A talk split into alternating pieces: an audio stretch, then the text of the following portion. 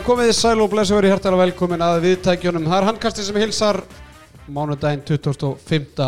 november. Ólið stilt Karla, hún er hálnuð, hún, henni, eh, helmingurinn, fyrir helmingurinn lög í, í kvöld með tveimur hörku leikjum. Sérfræðingurinn sem hilsar ykkur hér og með mér er að sjálfsögðu Theodor Ingi Pálmarsson, Pónsen og eh, Einar Ördi Jónsson, uh, íþórtafréttamæður á Rúf fyrir um atvinnumæður, uh, fyrir um Íslandsmeistur og, og ég veit ekki hvað og hvað, hvað hlera sér ekki bendlaði við. Frekar tæmandi Bankaræningi eða ekki? Jú, allt eins Bara svo það komið til skila núna, það er löngu komið tími á það. Fyrirleik með Tori Veka Okkarlega, Já, ég er þetta að fara þangað um jólinn maður það er ekki verið að skilja leik Já, það er svo- það svo Varst þú fyrst Ég er svo 10-15 árum og setna að kíkja á, á leikan Einar, varst þú fyrst íslendingur sem fór- fórst til var Vekka? þrið- ég var þriðji í Tóri Veka Á, ok. Hverju var undan þér? eh, Daniel Snær Ragnarsson var fyrstur Örfenda undrið Afturheldingu og, og val. Og svo var Birkir Ívar Guðmundsson var þarna. Já, hann var hann Tvo, þrjá mánuði hann tíðan Lókin á einhverju sísoni. Voru þið saman eða? Nei, það var aður ég kom Hvað er rétt að Tóra Vekka núna? Það Handbóltaliðinu? ekki neitt neitt. Nei. bara, Þeir voru bara, við vorum mjög vel sponsaðar af bænum og einhverjum byggingafélögum í bænum. Svo kom hérna krísa á Spáni. Þá bara hrundi allt undan öllu hérna Þeir eru bara eitthvað, kannski í fyrst deildinni. Já, ok. Bara, ég er, svona, ég er að fá gæsa hús, sko. Ég og Teddy erum búin að tala við, bara síðan við byrjuðum að við verðum að fá Einar Örd í bara mennsku spjall. Það það sko. Þannig að ekki segja of mikið. Nei. ég, seg- ég segi ekki meira en Nei, það ég er alveg viss að það er Það ekki er nóg að segja. Já, já, við gerum okkur greið fyrir því. Það að víðförull, kallinn. Þá var það bara staðfest að það verður þáttum um Einar Jörn Jónsson hérna. Þegar, þegar að byrjar að snjóa. Ég veit að Einar er mikið jólapatt Já, Herðu, við erum í bóði BK Kjúklings að vanda. Halli á BK, hann er gætt fagna einu stíi íringa í kvöld í stórleik umferðarnar í er haukar, meira það síðar þetta er búin að fara eitthvað á BK í vikunni? Já, já sjálfsögðu, eins og ég nefndi hérna á þá er ég að fara til Spánar, Tori Veka um jólinn og maður er nú ekki verið svo blöðrusilur á, á bakkanum þar þannig að maður er, maður er grimmur í, í Ponsan Special þessa dagana Tex-Mexin og, og, og, hérna, og, og salati með. Þannig að sjálfsögðu mælum við með því. BK, það er náttúrulega rétti á hérna, hvað heitir þetta, efstu Efsta leitinu? Já, já, já, það er ekki langt að fara Þannig að þið eru kannski meira að taka bara take away Já, meira, þegar maður fyrir að bjöka þá bara kemur maður þessi með sér. Kvöldvaktinn maður, Kvöldvaktin og þrjú. Svakalega fínt. Herðu, það er fullur þáttu framundan. Uh, umferðin, hún var kannski ekki upp á marga fiska en þá bara finnum við eitthvað til að spjalla um og við ætlum að bara gera svona líka upp fyrir hluta að fá Einar Örd Jónsson til að bara aðeins að fara í stöðu liðina og, og svona sjá hvar, hvar liðinu er stödd bara eftir mi- mitt tíðabil og, og svona með hvar spáum var og svo ætlar Ponsen að velja besta leikmann hvers liðs í fyrir hluta tíðabils Heldur betum maður. Herðu, svo ætlum við að taka smá landslýsumræði í lokin. Við ætlum að uh, kynna fyrir ykkur leik sem við ætlum í, í samstarfið Kúlbett að gefa tvo miða á EM í Malmö sem fer fyrir í janúar og þú verður þar. Ég verð þar. Já, Garanríki, Nóruðu, Svíþjóð og Östuríki er að halda saman. Á EM. Já, EM í þetta skipti og Riðill Íslands er í, er í hérna, Malmö. Þannig að við ætlum að gefa flug fyrir tvo til Köpen ferði yfir til Malmö á leikir alla leiki Íslands í riðlunum og gistingu og ég veit ekki hvað og hvað Svo í lok þáttur ætlum við að draga út uh, hver fær bókjana Spörgu Páls.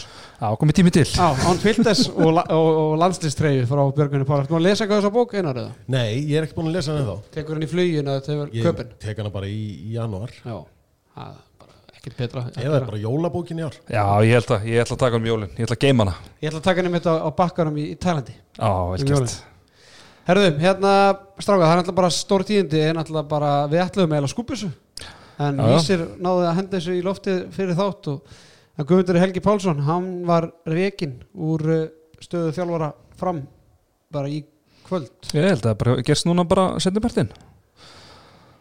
Það er Já, þetta er svona pínu pínu óvænt. Þannig finnst einhvern veginn eins og, og Gummið sé búin að vera með þetta framlið svona á á pari eiginlega bara frá því hann tók við þeim og jafnvel bara vel undir pari á, á köplum einhvern veginn svona þegar maður horfir á mannskapin á liðinu á hverju sumri og hverju hausti þá hugsa maður alltaf, já þetta getur nú ekki gengið. En einhvern veginn er hann alltaf að- kreista út úr þeim algjört max formaði byggarúslit og svona á sinn tíma og, und, undan úr setja Íslandsmóti já, og, og bara staðið sér vel einlega allan sinn tíma með, með liðið. En það er náttúrulega, það er sko sagan, eða skiluðu bara heyrir orðið Guðmundur Helgi Pálsson þá bara veistu á hversu löngu samning hann var. Já, já, fimm ára samningu sem hann skrifar undir þarna á sínum tíma. Ég menn þú veist ekki, þú er ekki hugmynd um það hvort að Gunnar Magnús sé að renna út á samlingu haugum eða hvað er líka Richard sem er langar Nei. samlingu í BF en það vita allir mm hvað Guðmundur Helgi Pálsson var á langar samling og ég held að hann átti að renna út 2023 Já, já, ég, hérna, ég myndist nú á það hérna einhverjum uppbytunum þetta í, í haust að svona fyrir þetta framlið að það var einhvern veginn engin, ekkit betra matsi einhvern veginn heldur en Guðmundur Helgi bara fyrir nákvæmlega þennan hóp sko, það veldi hann hafi verið svona bara hinn fullkomni þjálfari og svona, þú veist, hann er svona reynir að halda léttleika og, og, og öllu slíku og ég minna hann er svo sem bara búin að vera með þetta framlið á þeim stað sem að það á að vera með við, með við leikmannahóp en, en það er eitthvað sem segir mér að ástæðan fyrir því að honum er sagt upp þarna er að þeir eru með eitthvað, eitthvað starra nafn klárt Já, Og það lítur eiginlega vera. Það er eiginlega ekkert annað sem kemur til greina. Ég hef hugsað framar að fara ekki að, reka gumma upp á von og óvon að þeir myndu hugsanlega að finna einhvern á, á næstu vikum. Er það Þorberg Aðarsteinsson eða? Nei, hann er að stand, stendur í öðru þessa dagana hann er minnst það nú ólíklegt en, en ég, svo sem, þetta getur orðið kjánalegt á morgun því þetta er tilkynnt á morgun og kannski er þetta eitthvað allt annað nafn en, en Haldur Jón Sigfússon finnst mér vera hinn augljósi, kostur í, í þessu sammingi Getur ekki allir saman á það Ég held að. Ég meina, hann er á lausu, hann er á landinu, hann er með börni fram, hann býr í framkvörinu, hann er fyrir um þjálfari bæði kalla og kvennileysins. Já, hann náttúrulega leikmaður kallalisis Já, og, og þjálfari kannalisis þjálfari kvennileysins, já. Hann hefur langa sögu í Samamirinni og, og miklar tengingar við Samamirina, hann er, mann finnst að blasa við. Ég er allavega mjög hissa ef það væri einhver annar sem þeir, sem þeir væru að skipta gumma út fyrir. Mm. Að Mér mér finnst þetta einhvern veginn bara að blasa algjörlega þannig við að, að það er bara verið að skipta gumma út fyrir einhvern annan sem þeir vilja frekar að stýri, stýri liðinu, frekar en að, að úrslitin sem slík í vetur sé eitthvað ástæðan fyrir þessu. Það er að visslega tapað, tapað illa í, í gær. En ég meina fram með eh, sjö stið eftir fyrir fyrir hana þrý sigur að sjö töp og eitt jættefli voru menna búast okkar við öðru? Ég meina, við vorum svona næstu búin að spáðin falli fyrir tíðafli Já, og búin að vera bara í Þvílíkum meiðsla meiðsla vandræðum, ekki vandræðum ennþá með hæ- hörfandi hægri veng ég var, að, ég var að nefna það við Tetta og, og Stimma og Tjattun áðan menn þeir eru ekki með vara línumann Nei, nei. þeir eru valla með fullur verið fyrir alltarunum valla með vara markmann Mm. þeir eru búin að missa sko, þeir missa Arnabyrki fyrir tveimur árum Þorsten Gauta, Viktor Gísla þeir hafa ekki fengið neitt í, í staðin til að fylla þessi skur þannig að hann hefur bara verið að sópa saman liði ára eftir ári Já, já, ég og meina, missir alltaf besta af mennuna sína. Og, og þess vegna er framist að gumma líka maður að, að líta þetta í því ljósi líka. Hann hefur aldrei fengið úr neinu að móða hann hefur ekki, getað sótt sér leikmenn ekki, það hefur ekki verið bara peningar til í samanbyrni til, a, til að fara í þann slag að, að berjast um, um bita á, á markaðnum. Þeir voru alveg mángan úti svo sem í sumar en, en, en ég meina eitthvað var til þess að þessi heitustu bitar á markunum völdu önnulið, ég meina þeir voru alveg þungir á, á hafþóri hérna vikni sinni held ég bara eins og, eins og flestir aðrir. Og það er náttúrulega verið stert fyrir þá en það reyndu við Breka Dagsson og, og, og fleiri leikmenn en, en fengu svona lítið sem ekkert þannig að Nei, og þetta er líka sko við höfum tekið þessa umræðu held ég nú aðla á samfélagsmiðlum eitthvað að það er ekki endilega peningarnir sem ráða alltaf för hjá leikmennum að öðru jöfnu hugsanlega tekur þá 50 kall meira þarna eða, eða hér en þetta er líka svolítið, þú varst að selja, selja leikmennum verkefni sem þú ert með í, í gangi.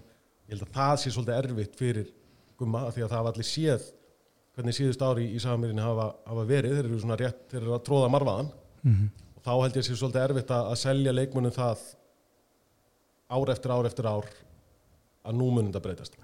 Það þarf að koma eitthvað, eitthvað stærra til en það að þú bara ringir einhvern eitt gæja og segir ég ætla að bjóða þér hérna x pening.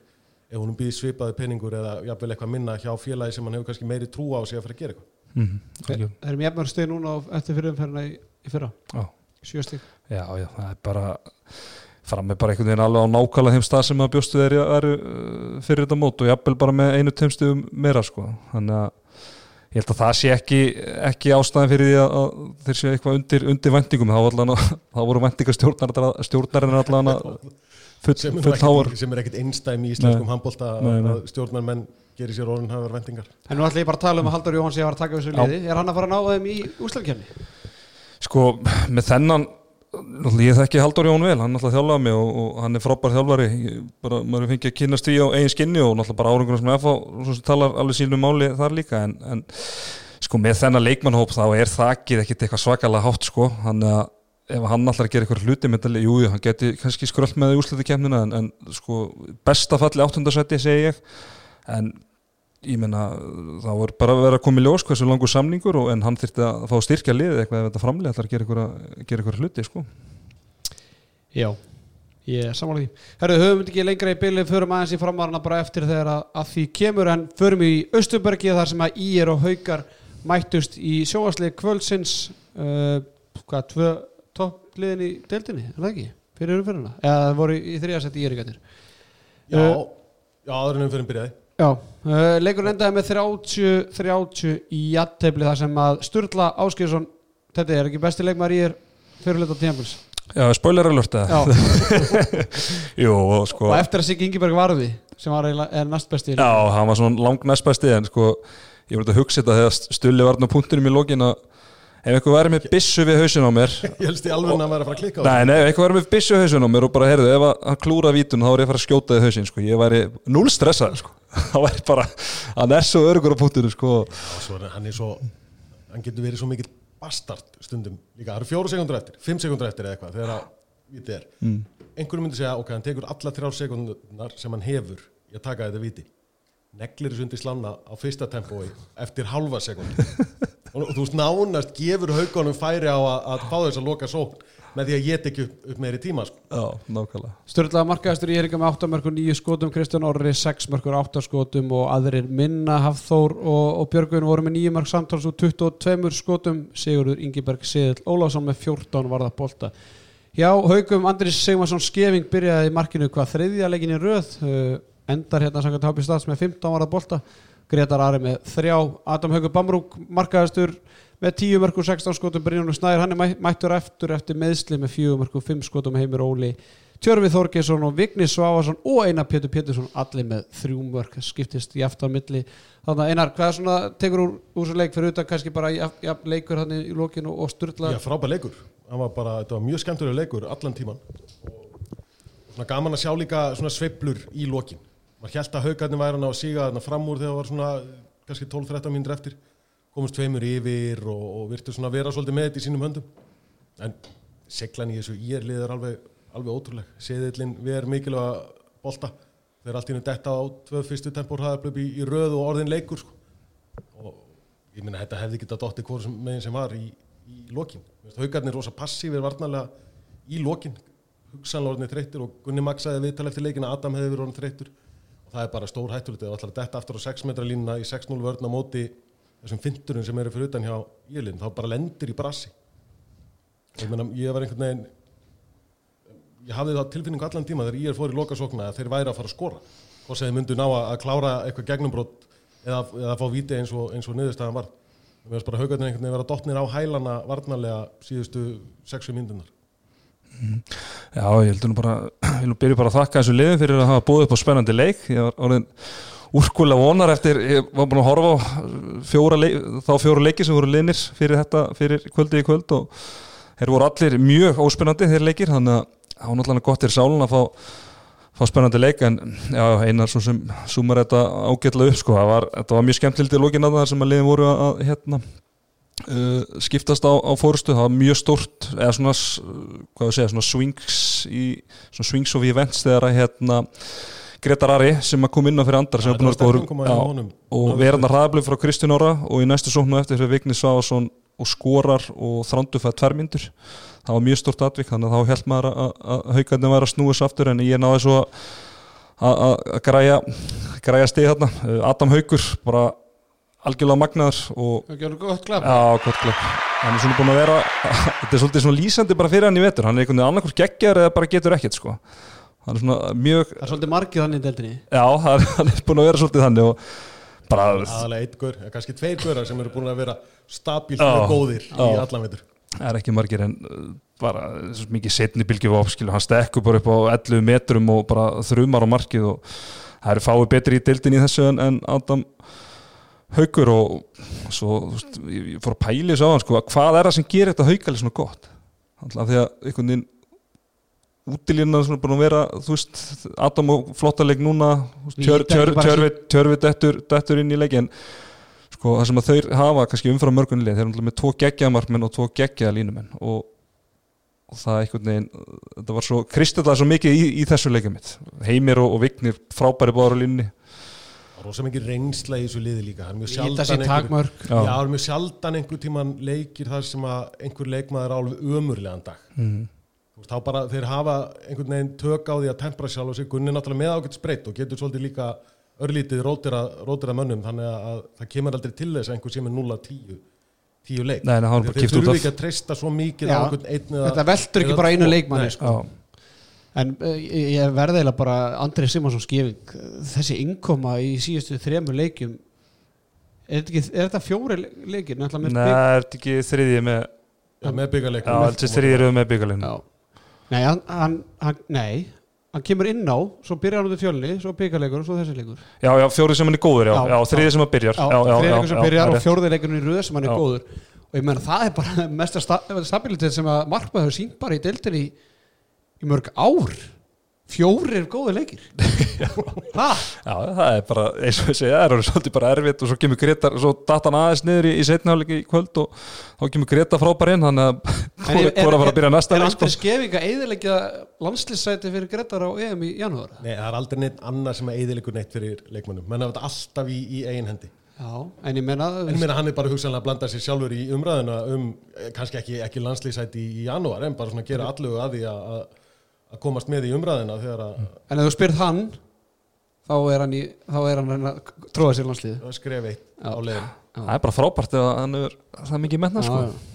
Herðu, hérna uh, Íringarnir, ef við förum bara aðeins svona fyrir hluta tíamlis, við spáðum áttunda sæti fyrir tíamli en þeir eru núna í fymta sæti eða aðeins, hérna, eða fymta nei, nei, jú þeir eru í fymta þannig að þeir hafa aðeins svona dottið niður eftir bara náttúrulega frábæra byrjun hvað er hérna kemur þetta óvart einar? Náttúrulega var smá umræði fyrir tíamli eða lók síðast tíamli hvort að Bjarni Friðs var komin endastöð og hvort þeir fara að skipta einhverju. Mér finnst þeir bara mjög ferskir og sprækir.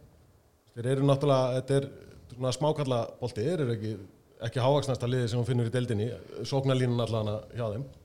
Tvo geggjaða hotnamenn, virkilega góða hotnamenn útilínan eru gæjar sem eru ef þú, ef þú gefur þeim halvan sentimetra til að vinna með þá munið þeir nýta þennan halva sentimetra allir einhvern veginn og þú þarft að hafa rosa góða gætur á þeim öllum og eins og haugarnir kannski brendur sér svolítið á í, í dag ef þú ætlar eitthvað að falla nýr á hælan eða bakka undan þeim að þá láta þér þetta bara syngja í kringum eirun á þér og, og finna þau upp á skónum menn fyrsti tableikur í er að tímafélag er á móti fram sem var þá held í fyrsti sigur fram í, í, í veitur Var það á undan eftirleiknum? Já. já, já, já, jú, jú, það er rétt. Já. Já, ég minna, þú veist, ég held að það sé örgulega svona eini leikur sem að Bjarni Friðsson horfur eftir þess að fyrirum fyrir og bara svona anskotin, þú veist, að því að þeir eru búin að vera ótrúlega bara Já. flottir og stabilir, tóku hann að tvekja leikja uh, dífu hátna á móti FH og fram og þú veist, annars hafi bara verið trullu Já, flottir. ég meina FH leikurinn er bara, það er svona innbyrðis baráttu leikur sem hann getur farið hvernig sem er. Já, og ég held að, held að þessi stegamóndi fram sé eitthvað sem er gráta miklu frekar en, en, en FH stíg já,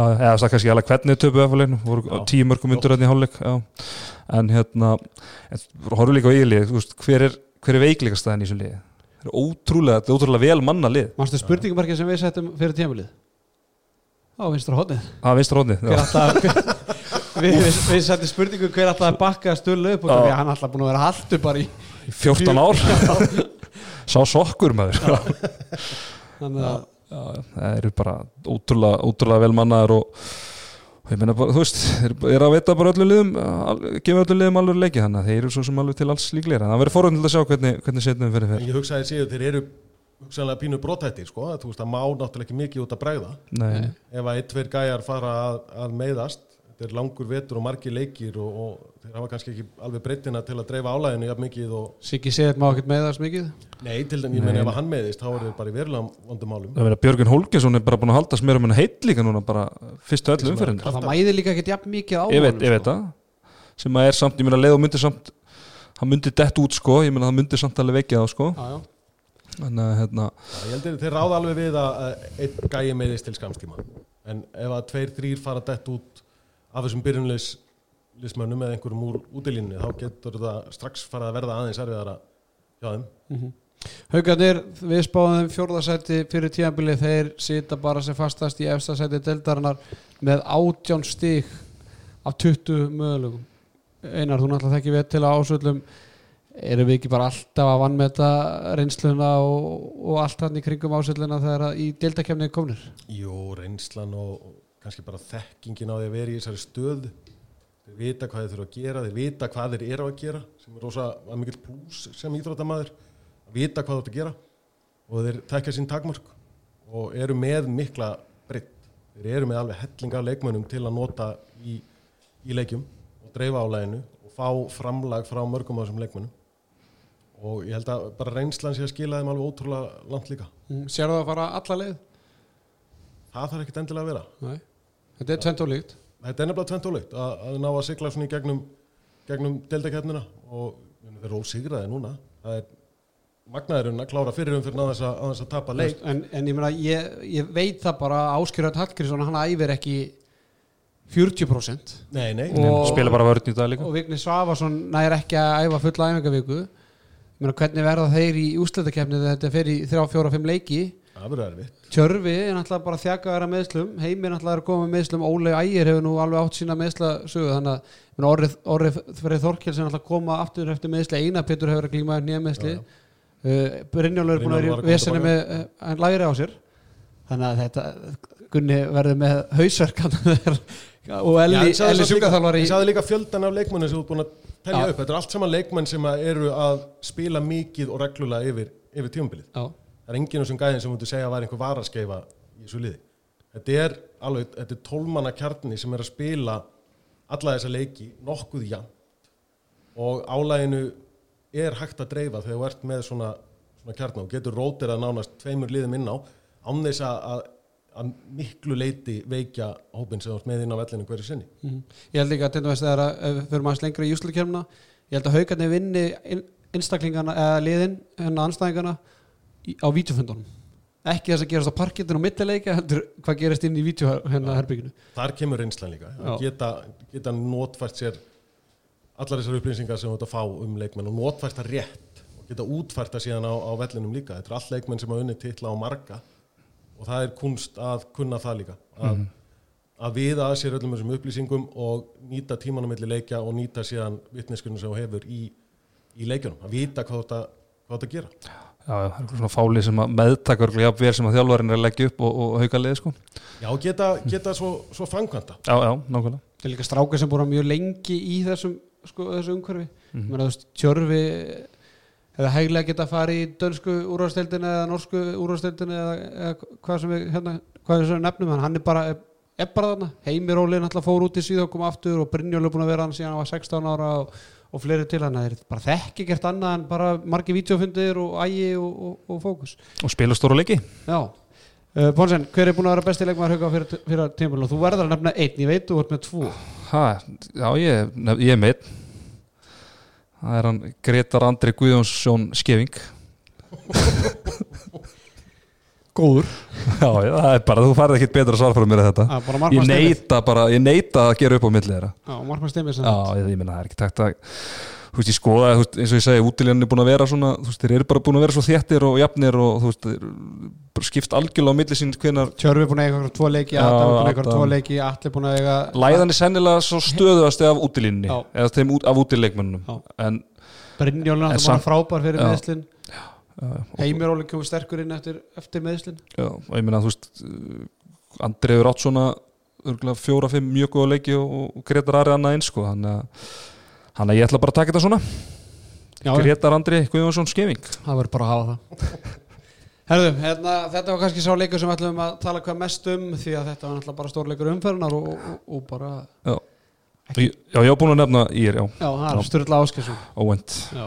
Herðu, HK Afturling fór fram einn í, í kvöld í kórnum þar sem að Afturling fór með Sigur Holmis með sex marka sigur. Það var nú bara miklu jafnar en maður hérna bjóst við, fylgdist með þessu á, á, á Ísu og Hoppi Stats þegar leikur var í gangi og þetta var nú bara hákangar var með í leik lengi vel.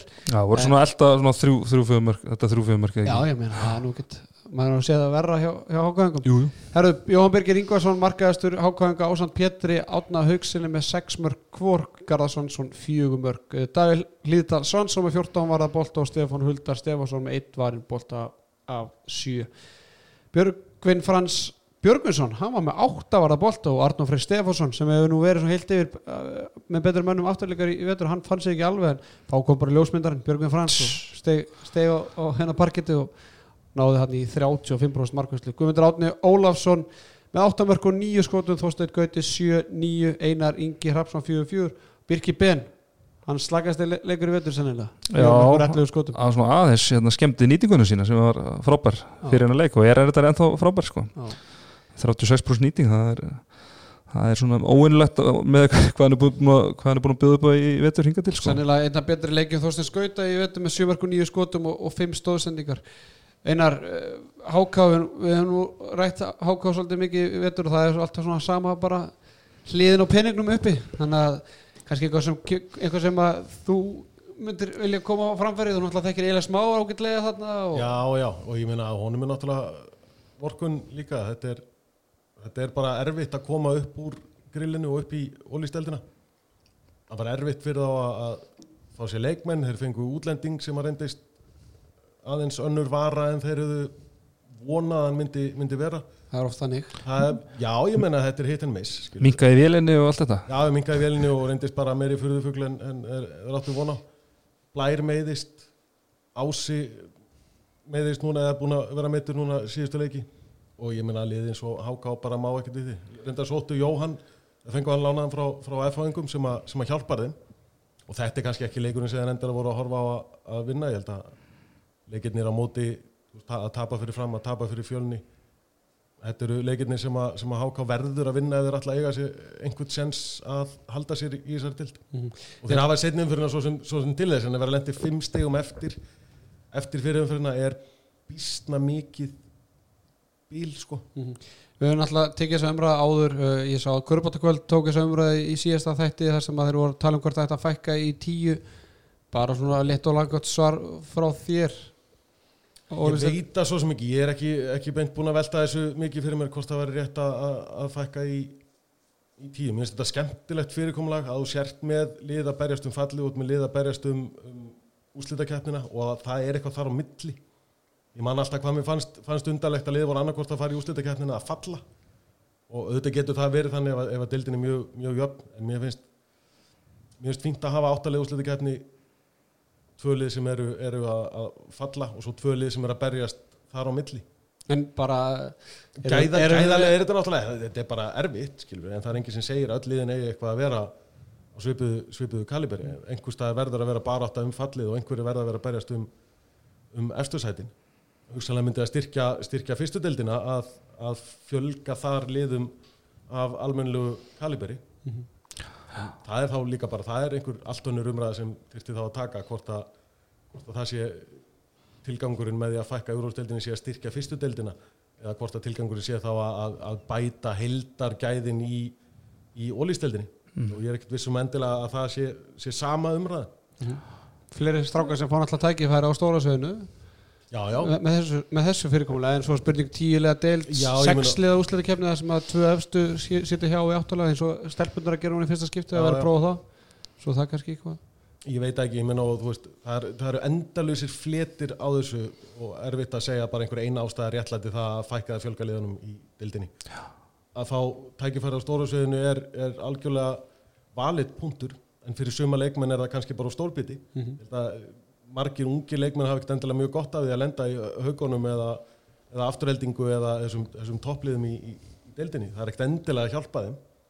á báða báða sko, ekki endilega sko sumir náttúrulega bara brotna Já, já. og svo eru aðrir sem þurfa kannski ekki að leggja, að leggja það náðinlega mikið á sig til að fá að fara á stóra sviði því að það er bara mörg laus plás til að fara á stóra sviði já. þegar það er heldur ekki ákvæmt að menn getur bara hoppað upp í ólisteldana og þurfa ekki að leggja eða nægilega mikið á sig að fylla upp í eitthvað splott Já. Já, já. En Það er, held ég, það er allt, þetta er bara miklu, miklu margslungnari umræð en, en svo að, að maður getur bara sagt að, að bara af því að eitthvað ei- eitt er á einhvern hátt að þá sé rétt að- að fjölga eða, eða fækka eða, eða breyta fyrirkomulægin eða hvernig sem þú vilt hafa. svo held ég að líka punktur í þessu er að ég held að ráðist líka svona gæðin á dildinni svona í heldina, ráðist rosalega mikið á hversu góð lélegustu liðin eru ef, ef við veitum hvert ég er að fara. Já. eins og gróta og akkurir fyrra veist, voru betri allan fyrir áramót heldur en fjölnir og hákáður núna sem svona gerði það að verkum að við fengum miklu svona fleiri jafnari leiki. Þú veist, gróta og, og akkurir voru alveg að reyta stiga af liðinu fyrir ofan sem í miklu meiri mæli en háká og, og sérstaklega háká og, kannski, og fjölnir kannski einhver leiti líka sko, þannig að og, og svona ég voru hans að pæla í þessu bara svona eftir, eftir þessu umferða sem við fengum hérna fyrstu fjóru leikina sem voru mjög ójafnir. Ég svo sem ekki laðist ekki inn inn að rannsóknar vinnu varandi þetta en svona mín tilfinningar allan að þegar núna síðustu tvö tíumbil bara í tengsljóna þátt og svona að maður búin að horfa á ansi mikið magna leikjum og sér langflesta leiki að mér finnst ég hafa séð miklu fleiri svona ójafna leiki ár heldur en í, heldur en í fyrra. Það voru miklu fleiri jafnari leikir í fyrra að ég man bara í bara nánast, það var undendingarlaust sem við mættum hérna í stúdióið reyndar á annar stað þar sem við vorum bara æstir, bara djúðlega þetta geðvik umferð. Já, en núna er náttúrulega háka svona eðilegu eða þetta er náttúrulega bara sex leikir í hverju umferð og, og háka er svona eðilegur allavega einn í hverju nánast í hverju einustu umferð fyrir þetta kannski fyrstu umferðina. Þannig að fjölnir og svona annarkvæmt leik eru þeir í leik og hinn, Já, hinn einhvern veginn fram bara líka stein, steinlíka káa sko. ekki jafn sterkir og kannski byggust við og svo er þeir eru að tapa þá er einhvern veginn að steinlíka sko. Svona í flestum tilfellum sko. en hver er besti leikmaður háka fyrir hluta tímis? Herðu, það finnst að vera langa erfiðast að velja eftir á næsta lið og hérna, já, sem er nú kannski ekki óðurlegt en það var erfitt að finna ykkur leikmaður sem stóð uppi á Hóka en við ekki segja að Davíð Svansson sé búin að vera skásti leikmaður Hóka, það sem er Jú, ég held að það sé erfitt að taka það af að dabba svan sem að stendur baku hérna, slitna vörn og fæ mikið að hrafnismörkum á sig. Mm -hmm. Afturlýning þeir eru í öðru sæti deildarinnar voru spáð sjötta sæturu fyrir tímabilið. Það var svona svipa með hérna, afturlýningu eins og íeringana og margir sem var, held að einar að Andri væri komin á hérna, endastum í Mósansbænum en hann bara breytti til og bara kom með gjörbreytt lið til leiks fyrir þetta tímabil. Og annað sæti eftir fyrir umferðin að það var ekki margir sem byggast við, við því fyrir tímabilið Nei, ég verð að viðkynna, ég var nánast komin á þá skoðun að það væri hugsanlega pælingi á afturveldingu að gera breytingu á þjálfarastólnum. Ég skal gladur geta þann sokka því mér afturvelding bara heilla mig mjög sem lið. Með massífa vörn, náttúrulega geta stilt upp þremur tveggja metra lurkum í vörninni þegar, þegar þið vilja spila þannig. Geta farið í öfluga 5-1 vörn líka Gunnar Malmqvist fyrir, fyrir framann alveg styrlaðan. Arnór er búin að verja eins og brjálæðingur og svo náttúrulega er, er Guðmundur búin að vera guðsending í hægra hóttunni hjá þeim og náttúrulega munar rosalega Birkir er búin að vera heill í vetur og búin að salla inn mörgum það er ekkert margir sem að ráða við hennar gæja þegar hann kemur á, á siglinguna þau Mhm. en að þú talar um að og, Vil- og Þorsteinn Gauti sömulegis, hefur smallið mjög vel inn í þetta Mhm. En að þú talaður um að hérna, þú að vera komin að þá skoðun að það væri kannski komin tíma og breytingu og ég get alveg sagt að ég var, er eiginlega, eða var að sömu skoðun sko.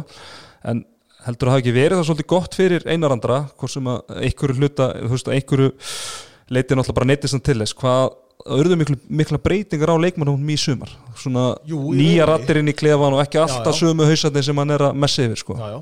og það náttúrulega getur hjálpað það getur orðið, orðið verra og þe- þegar það gengur illa þá segir mér náttúrulega að með mikla breytingar. Það tekur langan tíma að púsla þetta saman og allt svo leiðis en þetta er bara þetta er vel þjálfa lið og eru vel drillaðir. Þeir bara spila sinn bolta og gera það vel og fá lið sem, að, sem einhvern veginn ná að standast þeim snúning og svona sigla í þeim líka.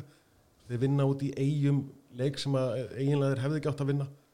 Og þannig að það er bara það er mikið spunnið í þetta lið allavega eins og þegar við spila núna í, í fyrirhanfyrinni já, bara svona það lið sem örgulega búið að koma svona mest á óvart kannski ásamt, ásamt í er sko og samt með þetta afturöldingir í í öðru sæti eftir, eftir fyrirumverðina ég hef nú bara skemmtilegi en þeir hafa bara byrjuðu vel og einhvern veginn bara haldi dampi líka Já. sem bara drullu vel gert sko. Já, bara búin að finna, finna sitt finna, finna sinn besta leik og einar andri alveg með á hreinu. Hvernig hann ætla sér að nýta þessa gæja og, og þeir, þeir svara, svara kallinu Mhm. kannski verið lausið meðslin líka og náttúrulega verið svolítið meðsli hafa eldið að lið svolítið síðustu árin sko. býttu bara. Já, þetta miss, já, missa ég hann meina- missa hann alltaf gest þarna sem að já, já, vissi hann, Það er alltaf- er einn ein crossbanda slitt þarna á lámark gestur, múin taka það á sitt tvísvar Já, ég menna að þú veist, Elvar var mikið meittur á síðustu já. árum. Virkir er búin að vera mikið meittur á árum. Böðvar náttúrulega eiginlega bara ég meina hann hefur alltaf farið yfir miðju núna í 6 ár, bæði vegna meðsla og svo náttúrulega, hann er sér bara ekki góðum í, í öxlinni. Og svo framvegis og svo framvegis. En þetta er, ég meina, er á meðan er og, og meðan þetta gengur, þá gengur þetta og, og þetta er allavega í, í góðu lagi hjá þeim núna eins og er. Mm. bestileikmaður afturleikar á fyrir hluta tímils Herru, ég valdi Birki Bindilsson þar, uh, Guðmundur Átni kom alveg til greina Svo fyrir náttúrulega úrvarsliðin okkar í Já. síðasta þetta einmitt og svo fór ég að rýna líka, þú veist, hann er líka að spila stærra hlutverki í varnarleiknum og, og svo fór ég nú að skoða nýtingunni hjá þeim í félögum og, Birkir er nú bara, þú veist, nýtingin hans Birkis var bara góð fyrir hotna og línumenn sko.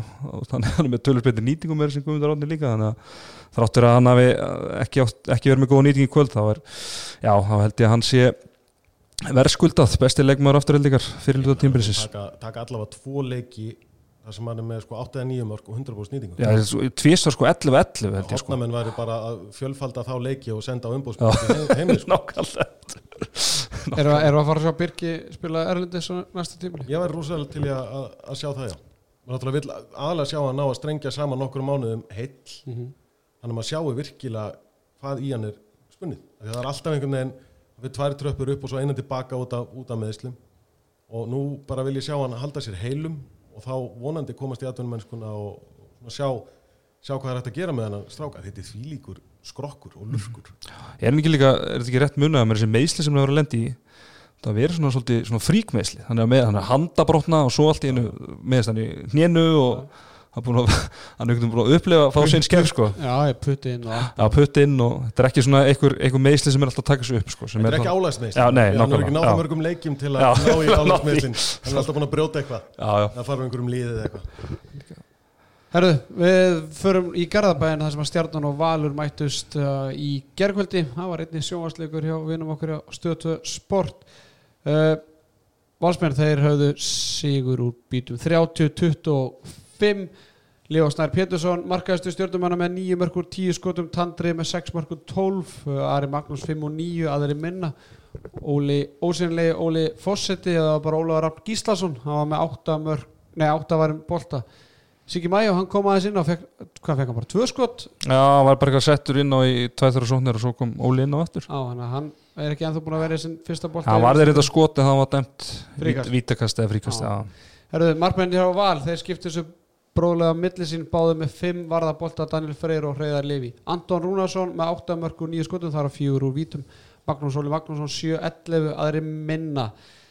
Uh, Strákar, ég, eða, ég horfði alltaf á þennan leik og, og hérna þetta var alltaf að fara bara enda á einu veg. Mér finnst, finnst bara svona bara stjarnan svona lendir undir einhverju leikjum og þeir eru bara svona undir.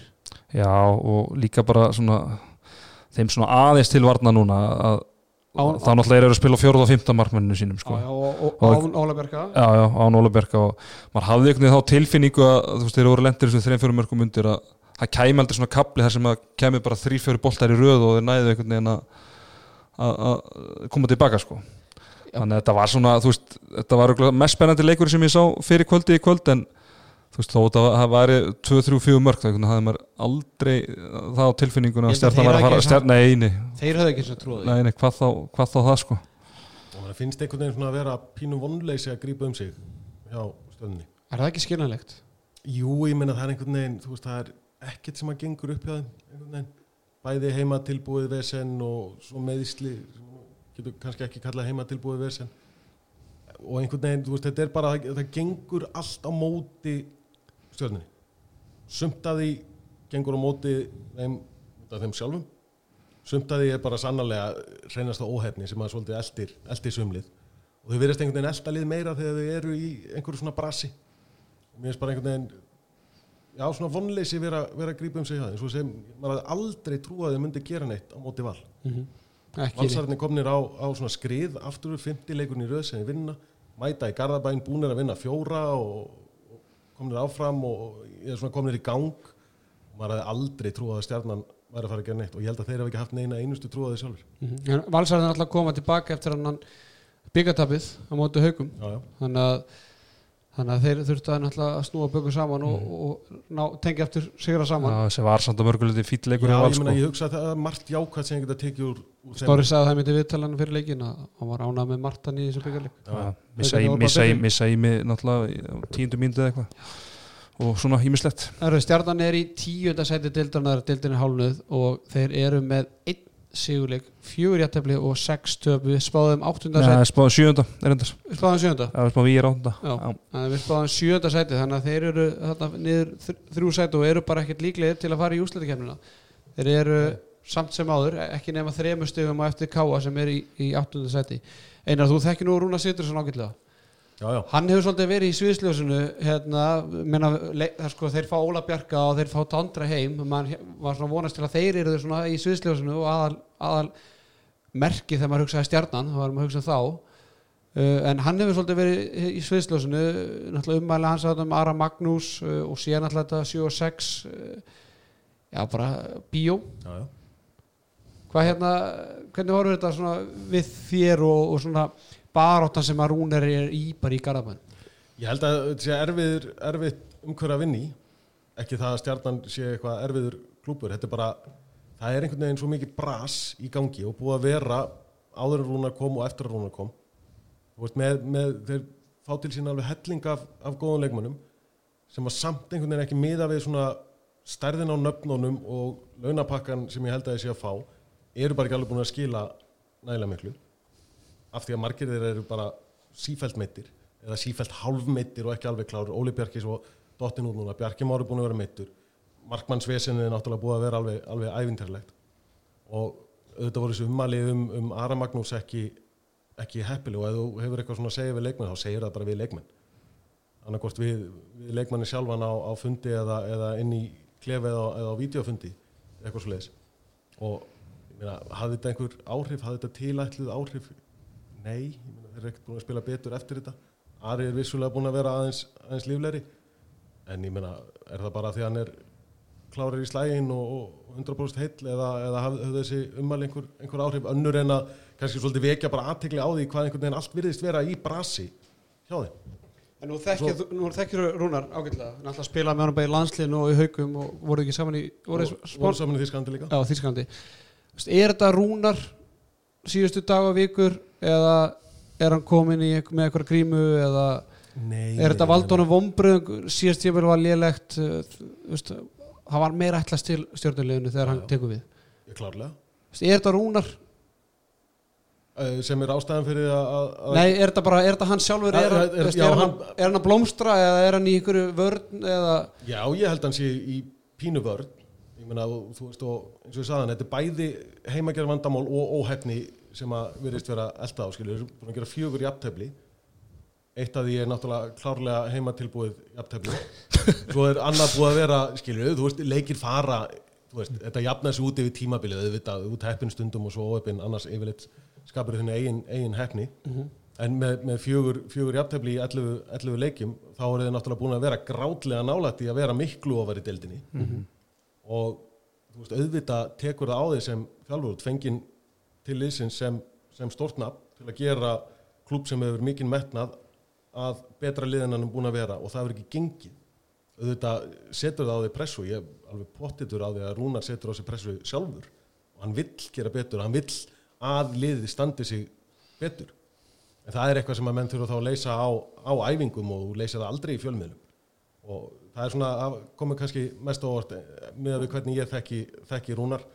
Og hann er solid gaur flottur, flottur náðungi, ég þekki hann náttúrulega ekki sem þjálfari ég hef aldrei spilað undir hans, hans stjórn. Ég var pínu hissa á þessu skrefi að, að fara í, í fjölmiðluna en það verðist allavega að vera meiri lokkmólla núna, það er ekki einhver, einhver, einhver hávæði kringum einhver leikmenn eða yfirlýsingar í, í fjölmiðlum. Nú þurfa þeir bara að fara að standa sér inn á, inn á vellinum. Mhm. en þetta hjálpar ekki til að vera veist, með þrjá meita markmenn og, og, og helmingin af liðinu á, á öðrum fætinum. En það náttúrulega kemur fyrir víðar. Þú getur ekki bara bent á það og sagt við erum óhefnasta lið í, í heiminum að það er, það er það verður aldrei verið satt að eitthvað lið sé óhefnasta lið í heiminum Nei, nei. Pónsen, er nær stjarnan að fara í úrslutakefni eða er, frekar að bara berast um fall við fjölinni til þess? Já, náttúrulega, þú veist, það er eins og segir, það er ekki nema þrjú stig upp í, upp í káa og er það kannski káa betur og eftir og ég meina, þeir eru ekkit í, í frábæru málum svo sem sko, en það er bara eitt stíð í fallseti það er náttúrulega breyst í fastætti líka, en já, ég meina eins og staðan er núna og þú veist, þá, þá er frekar að horfa niður en upp, en ég bara neita að trúa að lið með þennan maska fari ekki í gang eftir, eftir árumót. Hvað eiga er núna fram að, fram að, hérna, fram að jólum? Þeir eiga núna IBF heima og svo eiga þeir afturlík úti, afturölding úti, já, hauka he heima já, þetta ekki Já. er ljóta fara í gang núna Já, já, nei, nei, ég meina þetta er já, já, ég meina það getur ekkert ólíklegt að það verði bara með 60 hérna, fyrir jólafríði sko og þá er staðan orðin alls í alvarleg sko Já. Já, ég menn og svo hefur þetta, þetta sest meira á axlirna á þér þegar þú ert lið sem vilt vera að berjast í, í topp fjórum. Meðan fjölnir er bara djöblast og djöblast Haldið einhversi stressaður nýri yfir því að vera í þessari stöðu núna? Nei, Þeir eru bara, þetta er, þetta er þeirra staðir þeir eru með svartabelti í þessu. Eins og staður haugana síðustu ár hefur verið að berjast á toppnum og þeir kunna það, þá kunna framarar þetta. Herru, hver er besti leikmaður stjórnunar? Herru, þetta var eða á milli Þetta hafa verið erfitt. Já, þetta var, þetta var smáður en hérna, minnst Leo hafa verið bara fínn í, vetur og svona svona kannski hvað næsti að spila bara á, sinni getu en, mér finnst erfitt að, að ganga fram í á Tandra þó að hann eigi kannski eitthvað meira inni sérstaklega sóknarlega. Svona, ég fæði þá tilfinningu þegar ég horfa á þetta stjörnuleg þetta er svona eins og þú ert að horfa á Málverk, nei, nei, þú að horfa kannski svona fjórða eða fymta flokka eða eitthvað? Og það er bara svona eitt sem er langbestur í liðinu sem er bara svona aðalgæin í, í, í sóknarvörn og bara horfir á hann er svona algjör alfa, alfa hérna, mel í þessu, liði og mér svona framist að stjórna veldur að miklu leiti bara hvernig Tandri er stiltu þann daginn sko. þannig að mér finnst erfitt að ganga hann, mikilvæg sem miklu meira fyrir, fyrir stjórnunar en, en Leos Þannig að Tandri Já, ég er Tandri við vinningin Herru, uh, valsararnir, þeir eru í uh, svona smá trö- tröppugangi upp tröppuna með 13 stíð í sjötta seti deildarana, við spáðum öðru sæti fyrir tíðanblið mm.